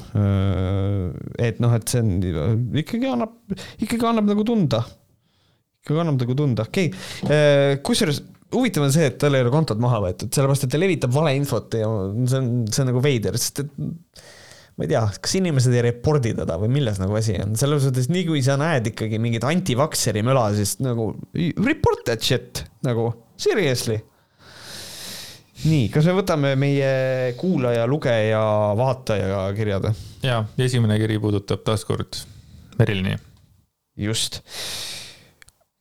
kuulan teie kahekümnendat haigushoogu ja pean mõningad asjad selgeks tegema. Kui kiri niimoodi algab, siis mul on alati oh, oh, selge vastu seina, aga ei kiri on väga hea. nimelt olid teil mõningad faktid segamini läinud paastulaagri kuiv paastu kohta. Need olid kaks eraldi sündmust. alguses oli kuiv paast, millest ta tegi postituse, kus ta oli teinud eh, uurimusi jutumärkides ja lugenud selle kohta. paastulaager oli mingi paar kuud hiljem, kus ta oli siis arstide eh, valve all jutumärkides. Just jutumärkides arstide valve all ja seal söödi vahepeal mingid kerged asjad, joodi puljongit või midagi sellist ja tehti klistiiri. lisaks oli laagris veel mingi vesiaeroobika värk ja kogu asja idee on see, et äh, sa pole üksi seda tehes ja sul hoitakse silm peal, klistiir oli vabatahtlik. isiklikult arvan, et Merilin, Merilini internetipersona on tõesti veidi valesti üles ehitatud, just see, et vastutust ei võta ning jagab seda infot noortele. ma korra hakkasin veel selle peale ka mõtlema, et äh, Mattias Naan ütles oma podcast'is äh, pohmellipäev väga huvitavalt, et isegi kui ta ütleb, et, et noh, noored ei ole tal see põhinumber, sa ka nagu võtsid välja sealt, onju, aga me räägime siiski nelikümmend kaheksa tuhat, ütleme, et siis viiskümmend protsenti on kakskümmend neli tuhat, onju, kakskümmend viis protsenti on kaksteist tuhat viissada. Ja isegi kui seal oleks mingi kaksteist protsenti või midagi, siis me räägime kuue tuhandest noorest. ikkagi noored, et isegi me räägime, ikkagi siis me räägime a la mingisugusest kuuest kuni kümne tuhandest noorest, kes ka on väga vastuvõtlikud. Ja mõnikord olen ka mina vastuvõtlik, ma ei räägi Merilini teemadest, aga nii mõnegi teise teema puhul, keda ma austan, kui sina mulle räägiksid mingisugust asja või noh, kirjutaksid või hakkaksid mingit asja jagama, ma usun, et ma sind usaldades, sind tundes, sind teades, ma võtaksin seda tõena no ei, aga, aga nii, nii, nii see fakt on ja tegelikult Nii ei ole, ei olegi see päris nagu ainult noorte probleem, vaid ka tegelikult äh, minusugune keskharidusega mees võib ka tegelikult võtta seda sitta jah, sisse. isiklikud sümpaatiad mängivad rolli, jah, muidugi hmm,. ta ise mängib selle tähelepanuga, kuid mängib ohvrit siis, kui keegi talle tähelepanu toob. selle kohta on hea vaadata tema elukaaslase Roomet Poomi reisivlooga Youtube'ist, seal tule, on näha teeme reklaami ka hoopis teistsugust Merilini. seega, kes tahab, see vaatab ja ongi kõik. lihtsalt kurvaks teeb see, et noortele neidudele justkui sisendatakse, et on vaja paastuda, pillid on kahjulikud ning nende krooniline kurbus ei ole tegelikult olemas jätab noored patiseisu, kus nende endi eeskuju annab nõu, mis halvustab arste ja sunnib neid omaenese peas elama, teadmata, et tegelikult saavad pädevad psühholoogid, psühhiaatrid ja perearstid neid aidata. aitäh, et teete taskuhäälingut, kuulmiseni. selle autor lubas oma nimega öelda Triinu, aitäh sulle, et sa meile kirjutasid, thanks. aitäh, et meie fakte täpsustasid ja aitäh, et meie põhipoint ikkagi seisma jäi. mm. -hmm. siis on järgmine kiri. ahoi, lae podcast, kuulan kõiki hooge ja sööste, hetkel aju, aju, sorry, sorry sorry mees, hetkel ajapuudusest paariga maas. Märt juba teab mu suhtumist koroona eitajatesse, pean tõdema, et koroona, koroonalohakad ajavad ka närvi. tundub, et mingi sinu sõber või? ma ei, ma ei, vaat ma ei täna tea. sain kõne emalt, et kas sa meie uudist kuulsid. ema karantiinis, sest kolleeg tuli peale puhkust kohale haigena, kolleeg saadeti koju, peale testi helistas ja teatas, et kergelt positiivne. oletan, et kergelt positiivne, raskelt debiilik, kolleeg kodus seda puhkust ei veetnud ja tõenäoliselt väike koroonapralle peeti. ilmselt ainult kõrgel taevas olev 5G nahkhiir teab, kui palju neid rõõmurulle seal kokku oli ja kui kaugele nad oma head tuju edasi lehvitasid. tegu oli topeltuudisega, kuna vennanaisel oli ka tore kolleeg. kui vennanaist karantiini ei lastud, sest kedagi pole asemele võtta. Äh, olgugi, et ta oli lähikontaktne. ta on küll ta on küll töö, tal on küll töö, kus klientidega otsest suhtlust pole. aga kõike seda kuuldes tekkis soov teha oma pea seinaga lähikontaktseks. tule, see kiri on nii hästi kirjutatud on tõesti, sorry, et ma seda nii kehvasti loen. kas inimesed ei saa aru, et usu, usuvad nad seda haigust või ei usu, niikaua kui nakatumised tõusevad, niikaua tuleb piiranguid juurde, kuni üks hetk ei jää muud kui üle kui täielik lockdown. isegi kui oleks kõrgel pilvelõhkujas suur habemega Illuminaati, kes imeb pastakast välja koroonanumbreid, siis mida rohkem inimesi ignoreerib piiranguid ja maske, seda kauem ja suuremaid numbreid saaks ta kahtlust tekitamata juurde kirjutada. või on tegu prisoner's dilemmaga? kui teised ei kanna maske ja ei distantseeru, siis mis mõttega mina piinlen? Sorry liigse ventili-, ventileerimise eest täiesti perses, ma väga vabandan oma lugemisoskuse pärast hetkel äh, ja ma olen ka selle peale mõelnud, et see on üks asi, mida siis niinimetatud lamemaalased või siis ma mõtlen telegramlased siis nagu, mille peale ei mõtle see, et võta vastutus, viska mask ära blä,, blä-blä-blä, kõik see ära kanna, ära tee. no palju õnne. no palju õnne, siis me lihtsalt istume siin edasi. kas see on, kas see on nüüd mingisugune ja teadlik nagu õõnestamine või, või äkki nad tahavad seda. ja ma ei tea, vot ongi. et siis oma äri edasi üleval hoida. äkki see ongi see vandenõu. kui Hando Tõnumaa ütles, et temal kuradi kümnekordistunud või kahe või kuue või mis kuradi number see oli, et see tänu tegelikult koroonale, siis kas no te ei tea seda, aga äkki ka seal all on mingisugune vandenõu. äkki seal ongi vandenõu. hoiamegi, tõmbame maskid eest ära, võitleme selle vastu, eks ole, mida rohkem lolle seda kuulab, seda rohkem äh, inimesed ei kanna maske ja ei tee neid asju, mida oleks vaja teha, seda rohkem on lockdown, seda rohkem yeah. toimib mingisugune muu äri. seda rohkem olete... saab, seda rohkem saab riigi vastasust promoda. nagu Kris ütleb, et mõelge, kes selle peale kasu saab. kes saab selle peale kasu, et Kris selle video tegi? noh, ikka Kris ise ju. ei noh, mitte Kris ise, vaid ka Hando. jah, muidugi. Telegram, sellepärast et varsti ei ole enam Krisil nagunii koostööpartnereid peale Hando ja Palja mm -hmm.. noh, selles mõttes nii ongi. noh, selles mõttes Telegrami palgal ma ei ütle, et on halb olla, aga kuivõrd kindel see on, ta ei taha ju kellelegi alluda kuidas üldse saab teha neid videosid äh, Telegramile, ta ju allub tegelikult ju. jah, et see on, et see, aga tegelikult see on nagu päris tõsine mõttekoht maskivastastele ka, et kui sa oled, äh, kui sa nendest reeglitest kinni ei pea ja neid inimesi on palju, kelle, kes reeglitest kinni ei pea, siis need reeglid lähevad ainult karmimaks mm -hmm. järjest. So. aga ei, ei, ei. You are actually tehke, helping. ei, ei, ärge tehke, ärge jumala eest pange ette, võitleme süsteemi vastu, ei, tõmbate süsteemi veel rohkem nagu ja siis meil on kolmas kiri ka või? Mm -hmm. Oo. see oligi neljas, üks oli vahepeal. üks oli vahepeal ja, vot nüüd äh, juhtub siis esimest korda see, ma ei ole lugenud seda kirja. hea küll nice.. tere, Võhkarid, äh, olen teie podcast'i suur fänn esimesest episoodist saadik küll aga pole suurem asi SoundCloudi kasutaja ning jäin regulaarse kuulamisega toppama kusagil seal, kui te veel episoode välja andsite äh,. ärge kuulake SoundCloudist, Spotify ja Apple Podcast on palju-palju-palju mugavamad kui see SoundCloud, just saying mm.. Äh, või Youtube minu suureks rõõmuks äh, avastasin aga paar päeva peale, peale kahekümnenda haigusloa väljatulemist, et olete ka Youtube'is eetrisse roninud. Äh, nüüd saan lõpuks järele sari vaadata, eriti tore oli näha elusa publiku ees, elusa publiku ees esinemise järel, et ka Võhkuritel on lõpuks ometi video. nagu paljud teisedki, äh, avastasin esmakordselt Märdi Savisaare protsessi kritiseerimast, instantly hooked, aga ajapikku hakkas natuke kripeldama, et ma muud ei tee, kui ainult nõustun Märdi öelduga ja ootan lihtsalt järgmist pikka videot. That feeling kus ta räigelt puid alla paneb inimestele eluterve suhtumine, väga tore. Ehm, paneb puid alla inimestele, kes kõiguvad pahatahtlikkuse ning rumaluse õhukese piiri peal, eriti Andreas. pean tunnistama, et mul polnud eh, enne õrna aimugi, kes sa oled, otsustasin mitte moodustada. Enter Andreas oli seal sa ütlesid eriti Andres, ma mõtlesin, mõtlesin, sa panid selle ise nalja juurde, aga tegelikult oli lause niimoodi. tegelikult on Enter Andreas ja. jah, kus Kes... kõiguvad pahatahtlikkuse ning rumaluse mm -hmm. õhukese piiri peal ja siis järgmine Kein Enter Andreas. Enter Andreas, pean tunnistama, et mul polnud õrna aimugi, kes sa oled. otsustasin mitte moodustada eelarvamust ja ei vaadanud kordagi järele, millega peale võhkõrluse tegeled. äraütlemata suur rõõm on näha kedagi, kes suudab mitte ainult tuua tema käsitlusse mõnusalt alternatiivset perspektiivi, aga ka mõnes asjas vestluspartnerit oma nägemuse õigsuses veenda.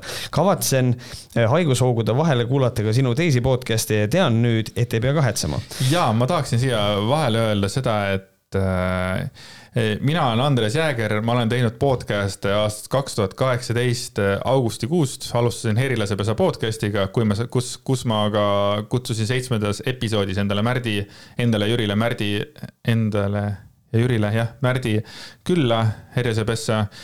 meil tuli väga hea osa, paarkümmend osa hiljem kutsusin uuesti Märdi külla ja selles mõttes, et niimoodi siis ma tegin podcast'e, palju, palju külalisi käis, ajasime niisama juttu Herilasepesas.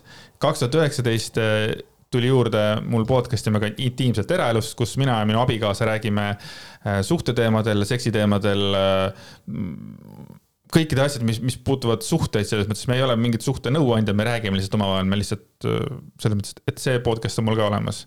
ja siis kaks tuhat kakskümmend juulist olen Märdiga teinud, et selles mõttes kui te soovite minust rohkem kuulda, siis äh, nüüd peaks olema umbes kakssada, kakssada osa minuga erinevaid podcast'e, podcast'e. vot. töökas mees raisk. aga Herilasepesa podcast on hetkel pausi peal, et põhieesmärk on Võhkaride intiimset eraelust äh, hoida nii hea, nagu mina olen võimelik seda tegema ja viimane lõik kirjast. konkreetselt soovin südamest tänada, et olete kajastanud ka Jehova tunnistajate sekti lõhestavat mõju ühiskonnale. usulise väärkohtlemise haavad paranevad aeglaselt ja on palju inimesi, kes ei parane sellest kunagi ning leiavad endale kiiresti uue kajakambri ja eneseveenmise viisi, enese, eneseveenmise klubi viisi, mida ajukäärude vahele tekkinud eh, kultuse kujulisse auku toppida. naudin väga teie teravmeelset kriitikat ning probleemi tunnustamist. It really means a lot. aitäh, Andres, aitäh, Märt. tehke samas vaimus edasi.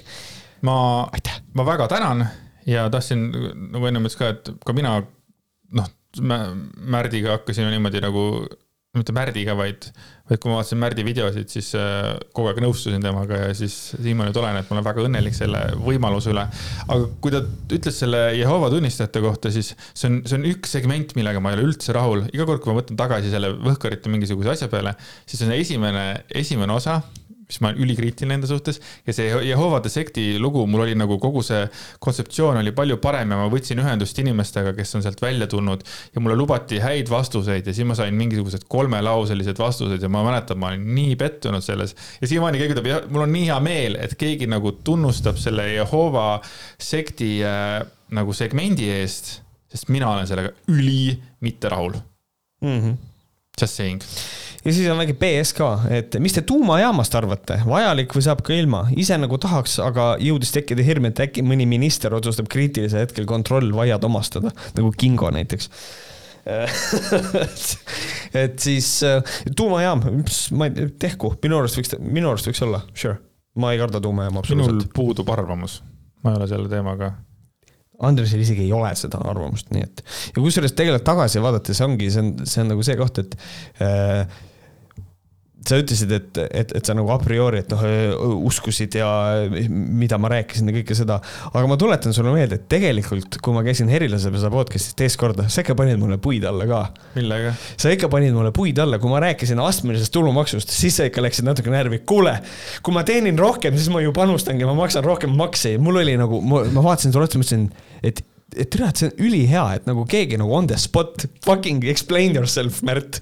ja siis ma lihtsalt, ei no jaa, aga lihtsalt võiks rohkem aga mulle väga meeldis see, et nagu lihtsalt okay., this is how it goes, Märt nagu, see oli tore. mulle see väga meeldis. ma tunnistan ausalt, ma väga ei mäleta sellest saatest nii palju.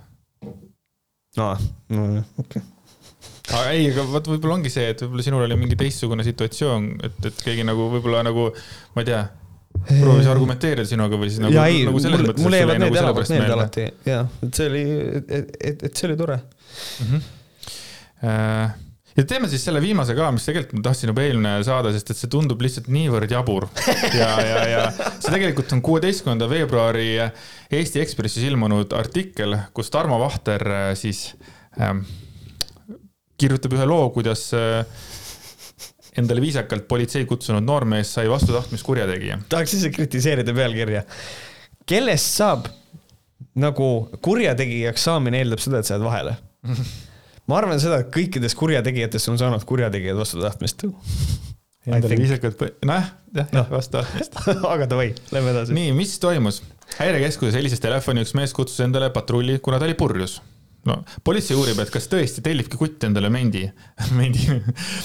see ei ole, see ei ole praegu otse nagu loetud sealt maha, vaid see on minu nagu eh, kokkuvõte selle kohta ehm, kutt vastas, et jaa, tal on vaja patrulli. häirekeskus lubab äh, tema info edasi saata ja kõne lõpeb.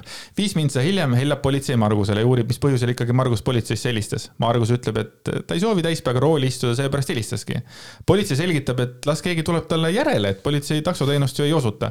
Margus selgitab, et äh, keegi ei võtnud vedu ja sogab, sogab mingit joorupit lihtsalt. kümne mintsa pärast helistab politsei uuesti, et uurida, mis seis on, et äh, nad otsustasid ikkagi patrulli saata patrull saabub ja politseinikud ütlevad talle, et purjuspäi ei tohi autot juhtida ja soovitavad sõbra järele kutsuda. Margus vastab ägestuses, et ta istub Järve keskuses pargitud autosse, sõidab koju. Äh, tegelikult noormees luiskab, sest seal autot ei ole. politseiniku, politseinikud avastavad Marguse andmeid kontrollides, et tal pole juhiluba. üheskoos sõidetakse politseibussiga kainestusmajja. kainerist tuleb Margusel jope seljast võtta ja taskud tühjaks teha. nii, kas nüüd sina oleksid siis Margus? Davai. Ehm, Margus siis küsib, eh, kas saaks ühe suitsu teha? noh, talle öeldakse, et see ei ole võimalik. kas ma saaksin ühe suitsu teha? Eh, kuuldes eitavat vastust, hakkab ta oma dokumente püksitaskusse tagasi toppima. abipolitseinik Sandre, Sander üritab dokumente enda kätte saada ja Margus lööb talle rusikaga vastu põske valu tundnud Sander väänab Marguse põrandale maha ja paneb koos appi tõtanud Andresega tal käed raudu. seejärel viivad nad Marguse politseibussi tagasi ja suunduvad politseijaoskonda. seal alustatakse Marguse suhtus, suhtes kriminaalasi seoses vägivaldse vastuhakuga võimuesindajale äh, see on nii loll lugu. elukogenud prokuröril hakkab oh. Margusest kahju. Margus on palunud abipolitseinikult vabandust ja kahetseb siiralt varem pole teda kriminaalkorras karistatud. Prokurör, prokurör lõpetab kriminaalasja oportuniteediga tingimusel, et Margus maksab riigituludesse kakssada viiskümmend eurot. ta saab selleks neli kuud aega. üks päev enne maksetähtaja kukkumist palub Margus raha tasumiseks kaks kuud ajapikendust. seoses koroonaviirusega on ta töölt koondatud. prokurör pikendab tähtaega juuli lõpuni kui Margus ka siis raha ei tasu, annab prokurör noormehele viimase võimaluse. Margus seletab, et on endiselt töötu, aga lubab teha ülekande lähipäevadel. ta ei tee seda. Septembris uuendab prokurör vastavalt seadusele kriminaalmenetluse ja annab Marguse kohtu alla kokkuleppemenetluse kohaselt karistab kohtunik Margust abipolitseiniku löömise eest tingimisi ühe kuu pikkuse vangistusega. lisaks tuleb tal tasuda riigile üheksasada kuuskümmend kaheksa eurot, see koosneb sundrahast kuriteo toimepanemise eest ja advokaadiga tasust. saate aru, milles teid süüdistatakse? saan aru. kas te jääte kokkuleppe juurde? jah. et äh, noh, lugesin selle küll kiiresti ette, aga see... point oli lihtsalt selles, et tüüp oli täis, kutsus endale politsei lihtsalt. ja siis nagu. kallale politsei. nagu see on nagu põhjus ka selles, miks see nagu tervikuna ette lugeda, on lihtsalt see, et see lugu on nii uskumatult loll. et kogu selle loo moraal on nagu see, et kutsu takso endale. mida, mida ta nagu. Get a fucking taxi. mida ta nagu üritas nagu teha, et nagu tõesti, et kas. Noh. ja siis hakkad mendiga uiama lööd rusikaga näkku. ja siis lööd menti rusikaga näkku. täiesti võrres. äkki ta ei allu äh, Eesti politseile, äkki ta ei allu riigile? äkki olid nimed äh, valed, äkki see oli Kris, äkki see oli Kris ise, noh. tule, helistab politseisse, tulge mulle järgi, viige mind koju. nagu, aga politsei ei allu provokatsioonidele mõelge selle peale, meie noored kuulajad, kes võib-olla joovad ennast täis ja mõtlevad, teeks Mendile mingi pullikõne jah, et äh, ärge kutsuge endale menti. Äh, las politsei käib äh, siis kohal, kui vaja on. et ühesõnaga selline. lõpetuseks ütlen seda, et Kris ja Merilin, me armastame teid. väga, vähemalt mina. Te olete väga olulised minu jaoks ja ma loodan, et teist saavad lõpuks täiskasvanud inimesed ja siis saame kõik ühiselt eluga edasi minna aga aitäh, et te meid kuulasite, see oli meie kahekümne esimene episood, Võhkrid on teie ees nii Youtube'is, SoundCloud'is, Apple podcast'is, Google podcast'is, Spotify's, täpselt samamoodi oleme teiega põhimõtteliselt meil on, üldiselt on meil selline graafik, et meil järgmine episood tuleb alati välja ülejärgmine nädal, kui see, mis välja tuleb. vahepeal tuleb varem, aga arvestage alati sellega, et järgmine episood ilmub ülejärgmine nädal, kolmapäeva hommikul. Jah, ja kes teab, ehk mingi hetk me suudame ka Patreoni endale tööle saada ja siis te hakkate meid saama veel rohkem. just. aitäh teile. tšau. tšau